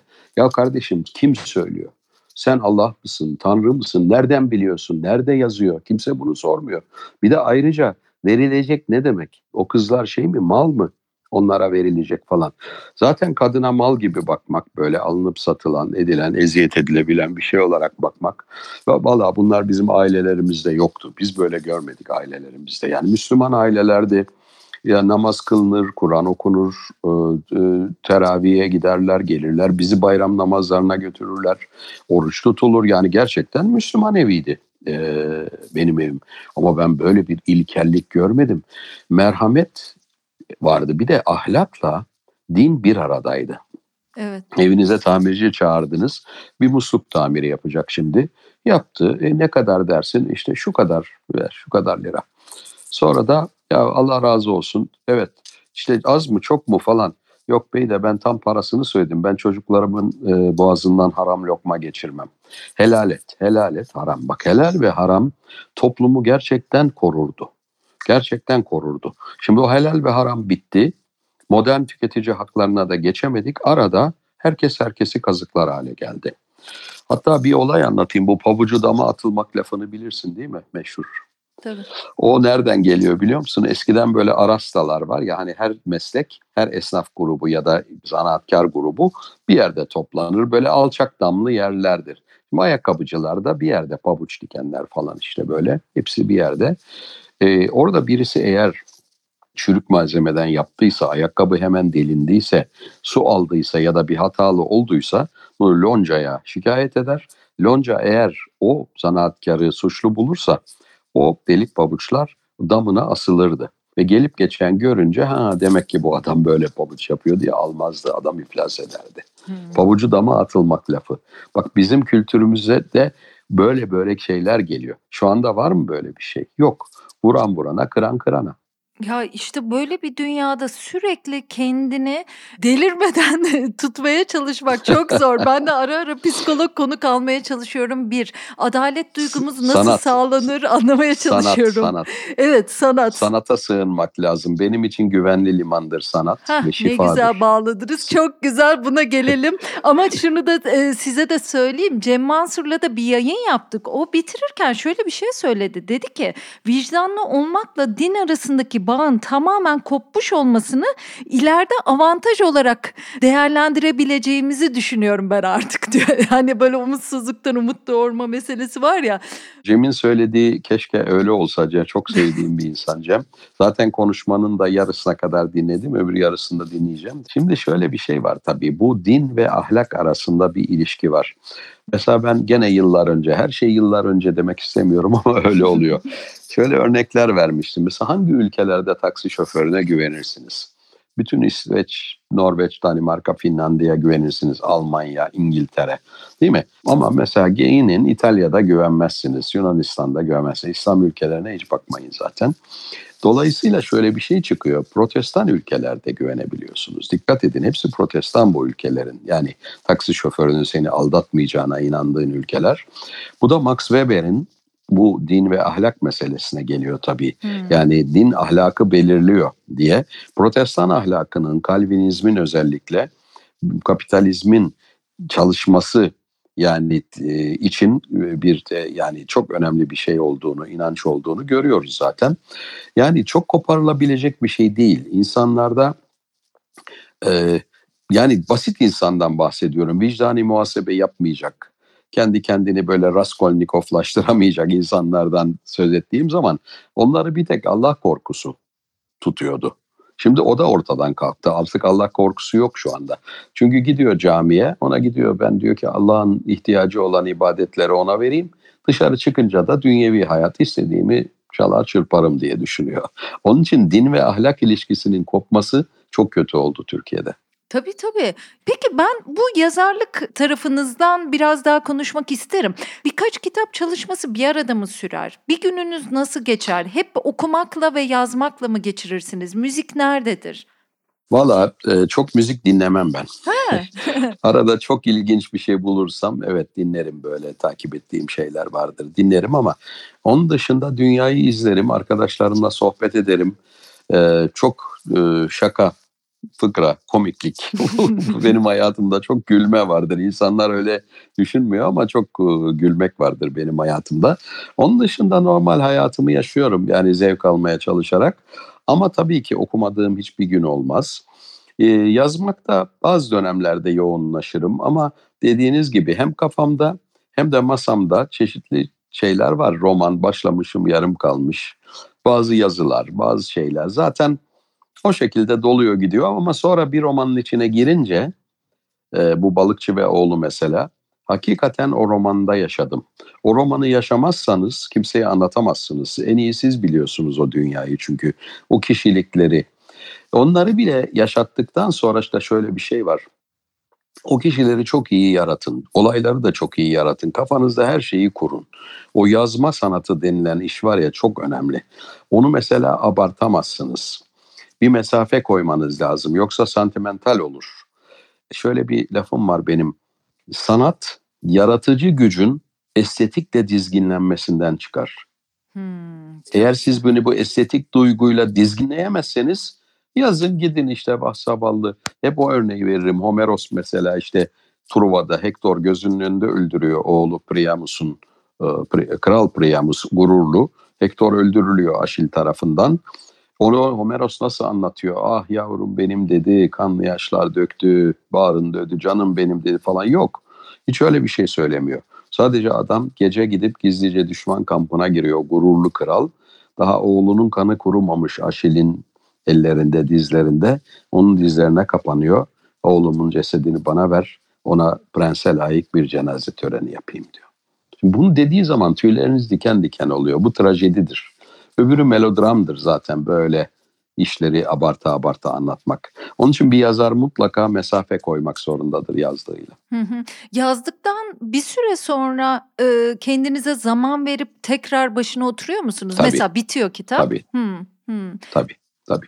O, o öyle bir güvendiğim insanlar okuyor. Etrafta başta Ülker okuyor tabii. Hmm, hmm. Ondan sonra düşünceler, şunlarla. Daha sonra yayın evine, yayın evindeki editör arkadaşlarla tartışa tartışa bakıyoruz. Bir şey var mı? Yıl hatası var mı? Mantık hatası var mı? Olur çünkü yani bir romanın içine girip kayboluyorsunuz bir derya gibi kontrolünüz altında tutmanız zordur romanı ama işte tutabildiğiniz ölçüde de iyi oluyor. Peki uykuyla uyanıklık arasındaki o zaman e, siz biliyorum Hı. o zamanla ilişkili bir insansınız. Hani herkes onu çok iyi kullanamaz ama siz o zamanda çok düşünen ve hatta da yazacaklarını kuran bir insansınız değil mi? Şimdi o enteresan bir zaman aralığı. Ben uykusuz bir insanım. Geceleri uyuyamam. Uyku ilacıyla uyuyorum ama ona rağmen gene çok e, geç uyuyorum sabaha karşı falan uyku ilacıyla bile. Hmm. Ama bir de böyle insanın hani bir şeyi vardır ya böyle bir hani yarı uykulu yarı uy yani uykuda mı değil mi öyle evet. bir an vardır. Farkındasınızdır etrafın ama yani uyuyor gibisinizdir. O an aslında bence beynin hangi katmanında ne oluyorsa yaratıcılığa çok uygun e, anlardır. Çünkü hayalle gerçek orada karışır ama sanat da zaten o karışımdan çıkar. Kesinlikle. Peki size şunu da soracağım. Eskiden yemek yapıyormuşsunuz biraz. Abidin Dino bulgur pilavınızı çok severmiş. Ee, benim de şu açıdan da ilgimi çekti. Biz Coşkun Aral'la bölüm yaparken o da Abidin Dino'ya yaptığı omletlerden bahsetmişti. Dedim evet, ki evet. Abidin Bey damak tadına düşkün birisiymiş ve dostlarıyla da güzel yemek yiyormuş da diye düşündüm. Abidin Bey müthiş bir insandı tabii. Şimdi Stockholm'deyim. Yıl 75 galiba. 74-75. Orada bir gazeteci var Erhan Güner diye fotoğraf falan çekiyor Güneş Karabuda'nın da beraber. Bana dedi ki ya Türkiye'den gelen iki genç var. Çok dedi tanımak istiyorlar. Şimdi benim albümler çıkmış. Ben yokum ve Türkiye'de bir efsane gibi dolaşıyor. Kimi diyor ki eski Tunceli valisiymiş, kalemini kırmış, dağa çıkmış. Öbürü diyor bilmem neymiş. Yani çeşitli efsaneler dolaşıyor böyle. Peki dedim. Gittik bir evde buluştuk. Coşkun Aral ve Savaş Ay. İki genç çocuk. Hmm. Ya kardeşler böyle onlarla orada tanışmıştım. O günden beri tabii Coşkun'u çok severim. Savaş öldü. Erhan işte Stockholm'de. Öyle bir tanışma vardı. Abidin Bey arada bir bizim Montparnas'ta bir evimiz vardı. Abidin Dino e, e, ile beraber bulup tutmuştuk. Ev boştu. Abidin Bey geldi duvarlara kendi eliyle resimlerini astı böyle beni eve ısındırmak için falan. O ev hakikaten o kadar çok insan geldi geçti ki o evden. Uğur Mumcu da oradan geçti. Yılmaz Güney de oradan geçti. Ve bazen böyle yemekler olurdu. Ben de yemek yapardım bazen. Ee, böyle salçalı, mantarlı et gibi bir şey yapardım hmm. ondan sonra. Onu çok severlerdi. Mesela Abidin Dino, Güzin Dino, Münevver Andaç, Nazım'ın hmm. eşi, e, Nazım Hikmet'in eşi Münevver Hanım. E, o sırada orada olan Taner Timur profesör ve eşi Serin. Yani o kadar çok insan e, geldi gitti ki o eve yabancılar, yerliler. İnanılmaz bir şekilde tabii Yaşar Kemal o, o da bir hakikaten yani müze olsa yeridir o evin. Ya ne enteresan. Ben çok değer veriyorum. Öyle evlere, öyle anılara, öyle yemeklere. Bu arada evet. vegan mısınız hala yoksa o konum değişti mi? 7 yıl kadar vegan olduğunuzu biliyorum. Sonra bir dönem sosyal açıdan daha rahat olmak açısından e, hafif hafif et yemeye başladığınızı da biliyorum. Evet. Şimdi ben e, vejeteryendim, vegan Ay pardon, değildim. vejeteryendiniz. Evet. Olsun olsun tabii. Şimdi e, ben hayvanların kesilip yenmesinin bir süre sonra insanlıkta son bulacağına yüzde yüz inanıyorum. Ve ilerideki dönemin insanları bize dönüp bakıp ya nasıl böyle annesi olan böyle mesela doğmuş bir kuzuyu kesip yiyorlarmış falan diye bize böyle dehşet hani insan yiyenler dönemine biz nasıl bakıyorsak öyle bakacaklar. Onun da zaten denemeleri başladı. Çok güzel et üretiyorlar artık. Bu bence yaygınlaşacak. Çünkü her bakımdan, ahlaki bakımdan da kabul edilemez. Ekonomik bakımdan, çevre bakımından falan biliyorsunuz dünyanın kirlenmesi. Yani bir kilo et yediğiniz zaman o yüzlerce ton su demek. Bunun gibi çeşitli problemler var ama tabii bu toplu bir dönüşüm olacak. Tek tek dönüşüm olmuyor. Ben bunu yıllar önce 90'lı yıllarda yaptım. O dönemde hele hiç yoktu. E bir yere gidiyorsunuz sizin için hazırlanmışlar, yemekler yapmışlar ya ben onu yemem, ben bunu yemem. Bana sadece bir şey verin falan filan gibi olmadığı için bir uzlaşma yaptım. Ama şimdi ben gene oturup böyle bir et yemeği, steak şu bu falan yemem. Yani e, kardeşim Ferhat da öyle. İşte mesela sebze yemeklerinin içinde e, kıyma falan olur ya hı hani fasulyenin evet. içinde bilmem neyin içinde öyle öyle yiyorum. Hı, evet. Ama tabii vücudumda da eksiklikler var tabii bunu da söylemek lazım. Yani demir sürekli eksik, çinko eksik bunlar da eksik hayvani gıdalardan geliyor bunlar çünkü. Hı. Peki Yaşar Kemal'i soracağım size. Hı. İlhan Koman'ı soracağım. Yaşar Kemal Türkiye ve sizin ilişkiniz daha bilinen bir ilişki ama İlhan Koman Türkiye'de bence yeterince hala çok anılmıyor. Ee, mesela sizin evet. kitabınızı okuduktan sonra ben Akdeniz heykeline bakarken böyle sessiz sessiz yanından geçerken merhaba evliya diyorum. Böyle Heh. hani böyle hafif bir gülüyorum mesela. Ee, ama evet. biraz ikisinden de bahsedin isterim. Yani sizden konuşurken sizden konuşmak lazım ama onların da sizin hayatınıza, düşüncenize kattığı şeyler büyük diye düşünüyorum. Tabii. Yaşar Kemal zaten başlı başına bir konu. 44 yıl hiç ayrılmayan bir dostluk. En azından her gün telefonda konuşarak. Hmm. Muhteşem bir şey. Her gün böyle telefon ya o açar ya ben açarım. Nasılsın Yaşar abi? Türk'üm doğruyum çalışkanım derdi. ben de ona Kürdüm eğriyim tembelim derdim. Allah Allah her sabah böyle açılırdı telefonumuz. Ee, tabii muhteşem bir insandı. Büyük bir yaratıcı. Bir de şahsiyet olarak büyüktü. Şimdi İstanbul'un meşhur şahsiyetleri vardır ya işte Yahya Kemal şurada oturdu. Ahmet Rasim Bey buraya giderdi. Bilmem kim Bey şunu yapardı falan gibi. Sakallı Celal şuradan geçerdi. Sait Faik bunu yapardı. Yaşar Kemal de bu büyük şahsiyetlerden biri. İstanbul'u İstanbul yapan şahsiyetlerden biri aslında. Hı hı. Çünkü hayatının ilk, ilk bölümü Çukurova'da geçmiş ama sonra tabii 60 yılı İstanbul'daydı. E, o yüzden onu ayrı bir programla e, e, konuşalım isterim Yaşar Kemal üstüne. Vallahi ne güzel olur. en büyük dostum. Benim en büyük hayallerimden biri e, bir Yaşar Kemal serisi yapmak. Gerçekten onu tanıyanlarla. Ya, tabii, tabii. Böyle mesela tabii. edebiyatında kullandığı bitkiler. Sırf bunun tabii, üzerine tabii. programlar yapalım mesela. Botanikçilerle tabii, tabii, konuşalım. Tabii. Yaşar Kemal gibi böyle bir prizmayı ancak öyle çok yönlü anlatıyla kavrayabiliriz. Ee, doğru. Şimdi İlhan Koman da çok enteresan. İlhan Bey tabii heykelci olarak bildiğimiz bir insan ama ben Onat Kutlar e, yani rahmetli dostum beni böyle yardım olsun diye böyle bir o dönemde çok zor duruma düşmüş hapishaneye falan girmiş çıkmış gene girmek üzere olan insanlara yardım ediyor ediyordu bir arkadaş grubu. O kahramanca bir şey yapıyorlardı tabii. O da beni yolladı Norveç'te gittim. Norveç'te Oslo'da Gencay Gürsoy'a gittim. Doktordu orada. Adresi almıştım. Orada onu buldum. İşte orada radyoya bir müzik programı falan yaptık onun vasıtasıyla. Sonra o da beni Stockholm'e gönderdi. Stockholm'daki adres de elimde. İstasyonda indim gece treninden sabah. Bir otobüse bindim nasıl gidilir diye. Otobüs kadın şoför İngilizce konuşuyordu. Oraya oraya oraya çok uzak yerlere şehir dışına gittik. Kraliçe Sarayı Drottningholm diye bir yer. E ondan sonra da indim soruyorum e ormanlık bir yer bir de bir saray var. Oradan beni böyle tarif ede ede ede ede gönderdiler. Ormanların içinden geçtim. Denizin kenarına geldim. Bir baktım eski bir gemi duruyor orada. Hulda diye. Adres burası. Meğer beni o gemiye yollamışlar. İlan Koman o gemide yaşıyordu. Karısı Şaştin, çocukları, hamaklarda çocuklar uyuyordu ve bir sürü politik sığınmacı vardı. Yani Türkiye'den gelen deniz subayları vardı, değişik arkadaşlar vardı falan. Her gelen e, yolu oradan geçiyordu. Her gün orada çalışıyorduk, e, tekneyi temizliyorduk işte hep beraber el birliğiyle. Bir spagetti yapılıyordu öğlen iki kadeh şarapla onun başına oturuyorduk falan. Çok enteresan, hoş bir hayattı. İlan Koman çok büyük bir yaratıcıydı. Koman formu diye bir form var tabii, dünyaya tabii. Hediye ettiği bir Koman formu var.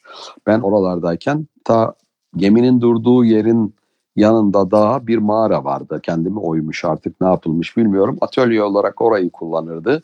Atlas Copco'nun önüne konacak bir heykel üstüne çalışıyordu e, hacimsiz bir heykel olacak evliya diyordu. Herkese evliya dediği gibi. Stockholm'de de onun o Manpower heykeli asılıdır. Teknik e, üniversitede.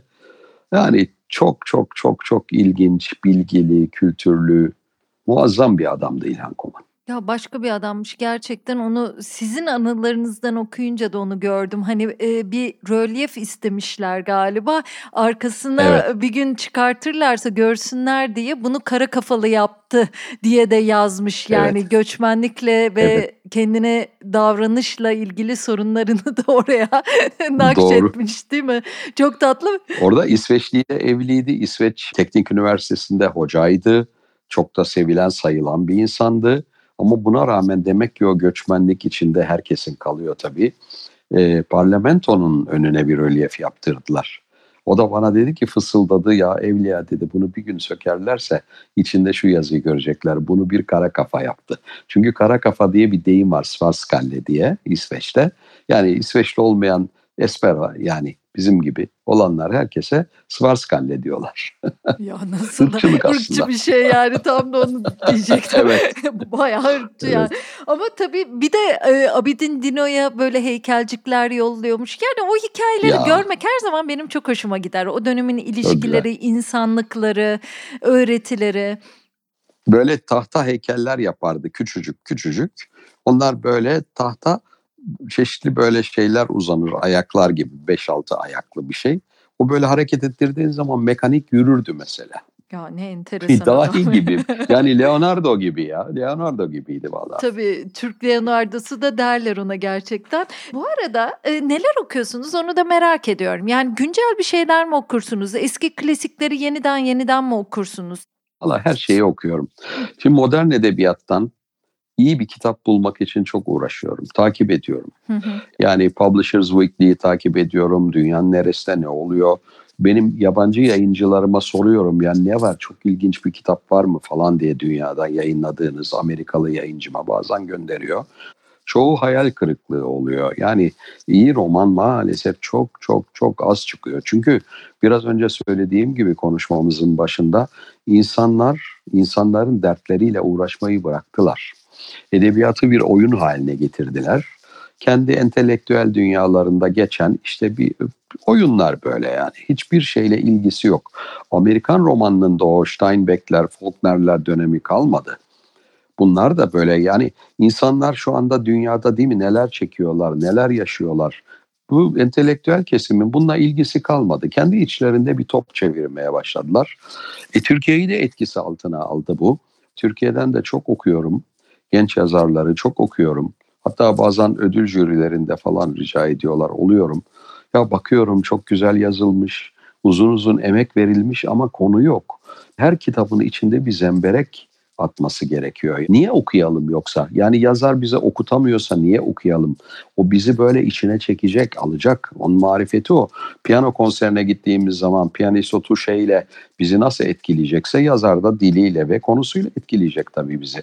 Ama böyle olmuyor. Gene bizde de oyun oynama merakına düştü insanlar ve yazık oluyor. Kitapları kimse görmeden geçiyor gidiyor. Ben gerçekten beni çok üzen bir şey bu. Keşke anlatabilsem herkese. Ee, şimdi çamur yapıyorsunuz değil mi? Çamur çamurdan bir heykel yapın, çamurdan bir adam yapın. Eğer o hani Tanrı çamura can üflemiş de o insan olmuş derler ya. Hı hı. İşte o canı üfleyemezseniz o çamur olarak kalıyor. Hı. Öyle bir şey. Kalıplaşıyor, kuruyor, kalıyor. O canı üflemek gerekiyor işte. Yani o, o üflenmeden olmuyor. Niye ona kafa yormuyor genç yazarlar onu da anlamıyorum doğrusu. Yani kaçış var herhalde bir taraftan da Zülfü Bey onu düşünüyorum. Gerçeklik o kadar üstümüze bastırdı ki. Bir şey söyleyeyim bundan olmuyor bence. Şöyle oluyor.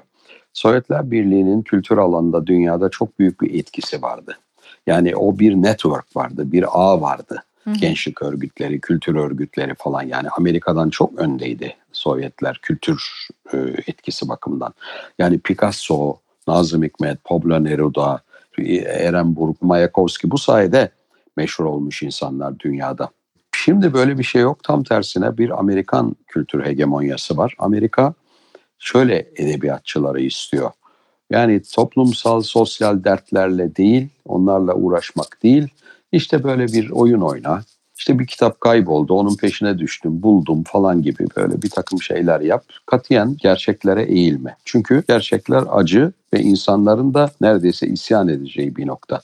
George Floyd'u boğazına basıp öldürdü Hı. polis. Niye bunun romanı yok? Niye böyle muazzam filmleri? Eski sanatçılar bunu yapardı işte. O kitlelerin isyanını yazardı. Ben illa didaktik hani o Sovyet romanları gibi sosyalist, realist o amaçlı romanlar demek istemiyorum. Edebiyatın içinde hayatsa bu her türlü hayatın her türlü beçesi var, her türlü cephesi var. Bunlardan uzaklaştırıldı. Kapitalizmin çok bilinçli olarak yaptığı bir şey bu. İnanın bana öyle. Son 30 yılda bana son 30 yılda ismini yeni duyduğunuz daha önceden gelen bir şöhreti varsa o ayrı. Ama daha yeni ortaya çıkmış ve ülke ya da dünya çapında tanınmış bir tek solcu yazar söyleyin. Yok. Zampra aklıma geliyor. Alejandro Zampra'yı çok severim Kim? ben. Alejandro Zampra var. Şili oraları evet, biraz evet, anlatan evet, bir yazar evet. olduğu için biraz evet. hani Güney Amerika evet. anlatan. E, Galeano'yu evet. ben çok severim ama yeni çıkmış sayılmaz tabii. İşte hiçbiri yeni tabii, değil. Tabii, tabii, tabii ki değil ama mesela Marquez hani Magic tabii canım, falan öyle bir şey Marquez'e bakın. Tabii canım. Yüzyıllık yalnızlıkta o United Fruit Company'nin o Birleşik Meyve Şirketi'nin o muz plantasyonları o yaptıkları katliamı da anlatır orada. Hı hı. Takır takır hayatın içindedir o yani her türlü şeyiyle anlatır oyun oynamaz. Dolayısıyla yani Türkiye'de bu kadar olay oluyor.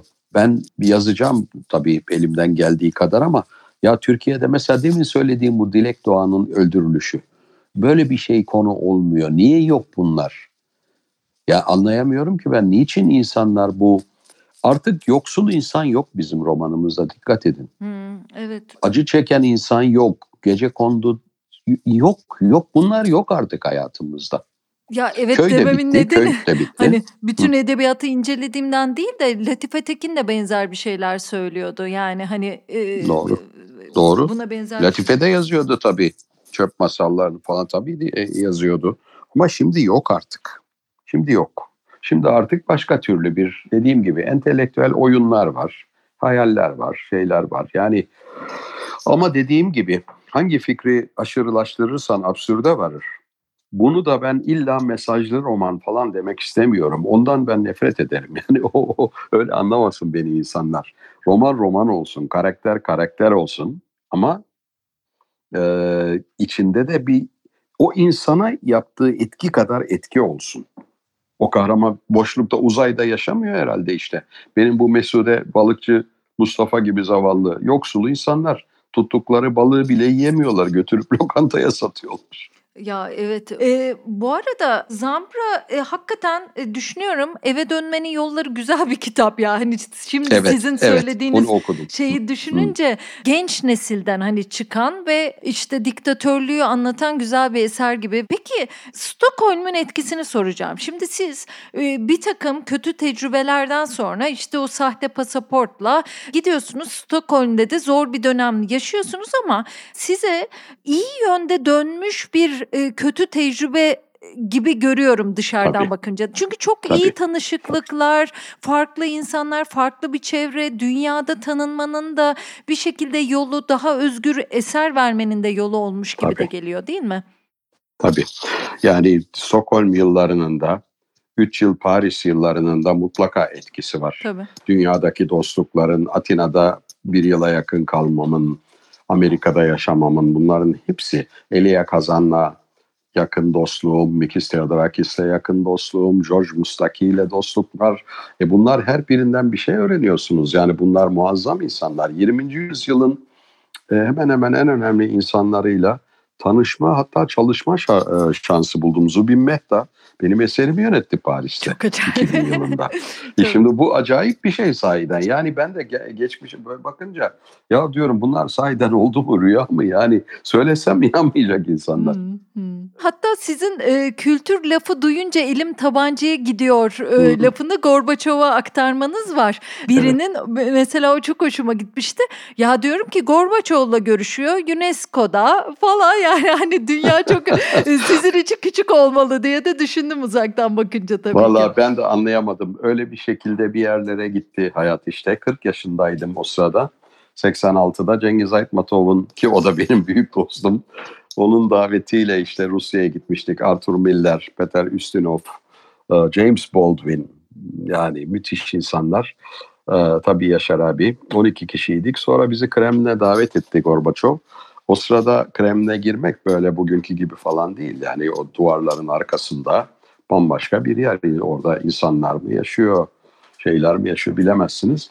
Orada konuşurken işte onu söylemiştim. Bu Nazi e, generalinin kültür lafını duyunca elim tabancama gidiyor diye.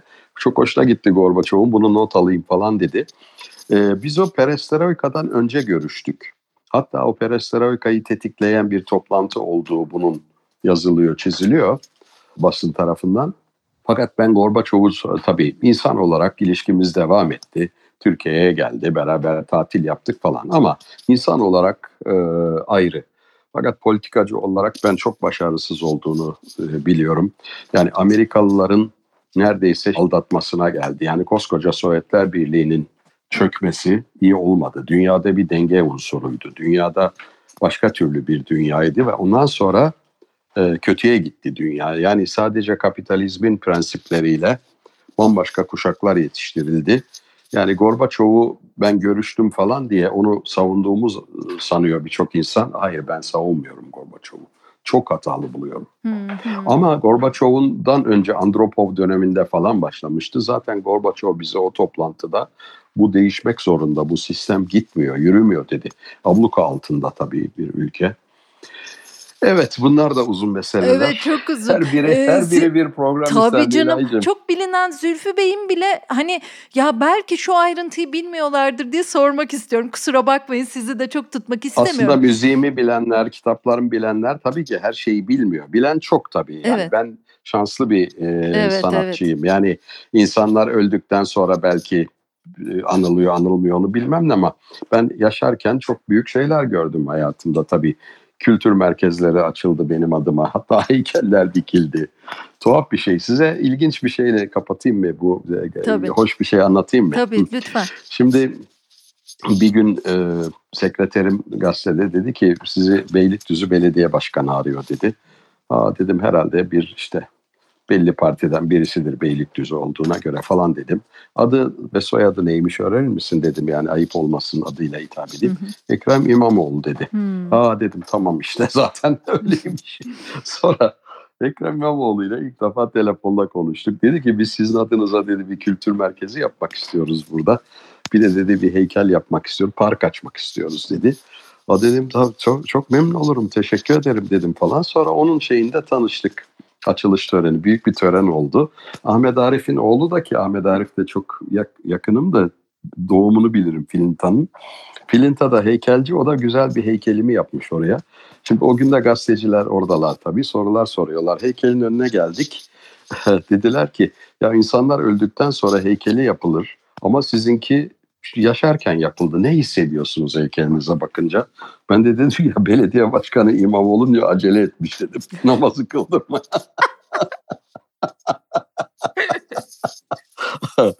Daha sonra da tabii en yakın e, kardeşlerim, dostlarım oldu Ekrem'de, Dilek'te. Nereden nereye? Evet, Peki böyle. Zülfü Bey nasıl olunur? Klasik sorumuzu size sorayım. Nasıl iyi bir yazar, nasıl iyi bir müzisyenden başlayıp nasıl iyi bir sanatçı olunur ya da bu ülkede nasıl birlikte iyi yaşarız? Bu iki soruyu size birlikte sorayım. Şimdi ben birey açısından önce söylemek istiyorum. Hı. Yani biz bir yani genç bir insan ben ne yapayım hayatta Tabii diye. lütfen. Hangi dalı seviyorsanız onu yapın. Bir kere sevmek o kadar önemli ki doktorluk seviyorsanız doktorluk, mühendislik seviyorsanız o bambaşka bir şey. Ressamlık seviyorsanız ne seviyorsanız ona doğru yürüyün derim. Ee, ama hangi dalı yapıyorsanız orada vida gibi dönüp durmayın. Mutlaka bir kültür temeli olsun işin. Yani değişik kitaplar, değişik dalları okuyun, değişik şeyleri okuyun. Yani hayat o kadar böyle 19. yüzyıl tek tek ihtisaslaşma hastalığına kapatılacak kadar dar değil. Çok geniş bir şey hayat. Dolayısıyla bir kültürlü mühendis başka bir şey, kültürlü doktor başka bir şey, kültürlü ne bileyim hemşire başka bir şey. Yani dediğim gibi okuyan insan ve okumayan insan farkı. Ben bunu o kadar net görüyorum ki keşke diyorum insanlar ellerine kitap alsalar okusalar. Yani ama zevk alacakları kitapları. Ha, zevk almıyorlarsa ilaç içiyor gibi kitap okunmaz. Ama onlara hitap edecek kitap mutlaka vardır. Onu bulsunlar. Yoksa benim okumam lazım diye okumasınlar. bıraksınlar o zaman kitabı. Çok güzel söylediniz. Sizin böyle uzmanlaşma karşıtı gibi olan bir haliniz Tabii. de var biliyorum. Siz hayatın Tabii. doya doya oburlukla yaşanması gerektiğini ve merakların peşinden Tabii. gidilmesi gerektiğini düşünüyorsunuz değil mi? Tabii. Bakın Abidin Dino benim için bir yazı yazmıştı. O yazıda der ki 2500 yıl önce bu e, İonya ve Hellas, e, Helen yani Yunanistan o zaman. Helen ve İonya filozofları Samos adasında buluştular. Sanatlar ve bilimler arasındaki ilişkiyi konuşmak için ve sonunda o büyük filozofların vardığı sonuçta şu en üst düzeyde bütün sanatlar ve bilimler birleşir bir noktada. Bu o kadar önemli bir şey ki ve hatta işte onu, o lafı onlar söyler. Matematik sessiz bir müziktir derler ve doğrudur. Dolayısıyla sanatlar, bilimler hepsi birbiriyle ilişkilidir. Ben bir romancı olarak mesela tıp okuyorum. Tıp meraklıyım. Bir arkadaşımın şifresini aldım Harvard Üniversitesi'nden. PubMed diye sadece doktorlar arasında olan araştırmaları okuyorum. Bu benim romanımı zenginleştiriyor. E, bir doktorun da edebiyat okuduğu zaman dünyası çok zenginleşiyor. Yani tek boyutlu insan olmamak gerekiyor. Bu devirde hele olamayız artık. E, Şahane söylediniz. Nasıl bitirelim Zülfü Bey programı? bir kere şunu söyleyelim. E, kitabınızı okusunlar. Ben Abdülhamit kitabını da bekliyorum bu arada. Ama Evet. e, yine de İnkılap yayınlarından çıkan yeni kitabınızı Balıkçı ve Oğlunu mutlaka okuyun. Şöyle bitirelim. İnternet dünyası çok acayip. Benim eskiden beri yazdığım şiirler vardır. Hatta bazılarını işte bestelemişimdir. Kardeşim Duymaz Eloğlu, Duyar Kan Çiçekleri. Yani çok e, böyle şiirim var. Bir tane de 1980'li yıllarda yaptığım bir albümün hatta adıydı. Orada bir e, şiirim var. Daha sonra bu şiir internete düştü ve birçok insan orada yazmaya başladı. Aa bu Zülfü Livaneli değil ki bu Nazım Hikmet. Çünkü ben biliyorum diyor. Çünkü orada görmüş. İlk defa Nazım'la ilgili bir yerde görmüş. Ve onun aklında öyle kalmış. Sonra yazarına bile iddia ediyor ki hayır bu Nazım Hikmet diye. İşte onun için bilgi tehlikeli hale geldi Türkiye'de. O, o şiiri okuyarak e, Ay çok bitireyim mi sevinirim. size? Lütfen, lütfen. Bir gün çok bunalırsan denizin dibinde yosunlara takılmış gibi soluksuz hiç unutma gökyüzüne bakmayı. Gökyüzü senindir, gökyüzü herkesindir. Ya çok güzel gerçekten ülkenin karışıklığını da konuştuğumuz bu yayında bu güzel Evet, bir bitiş evet. oldu Zülfü Bey. Ülkenin umut veren yüzlerinden birisiniz yıllardır işte söylediklerinizle yazdıklarınızla bize umut oluyorsunuz çıkış yolu veriyorsunuz gösteriyorsunuz bu çok değerli bizler için. Çok teşekkür ederim. Bu arada e, huzursuzlukta ben o, o kitabınızı da çok sevmiştim. Hiç aklımdan çıkmayan bir cümle var. Orada e, diyordu ki ben insandım. Evet. Fiili geçmiş insanlık hali. Yani çok basit bir şey gibi ama etkilemişti. İnsan kalabilmek gerçekten bu dönemde zor.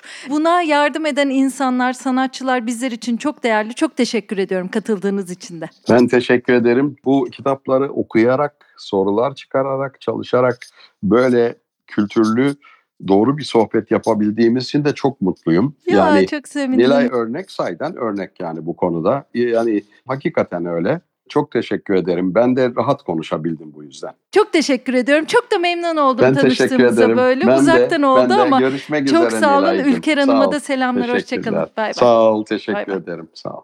Mersi.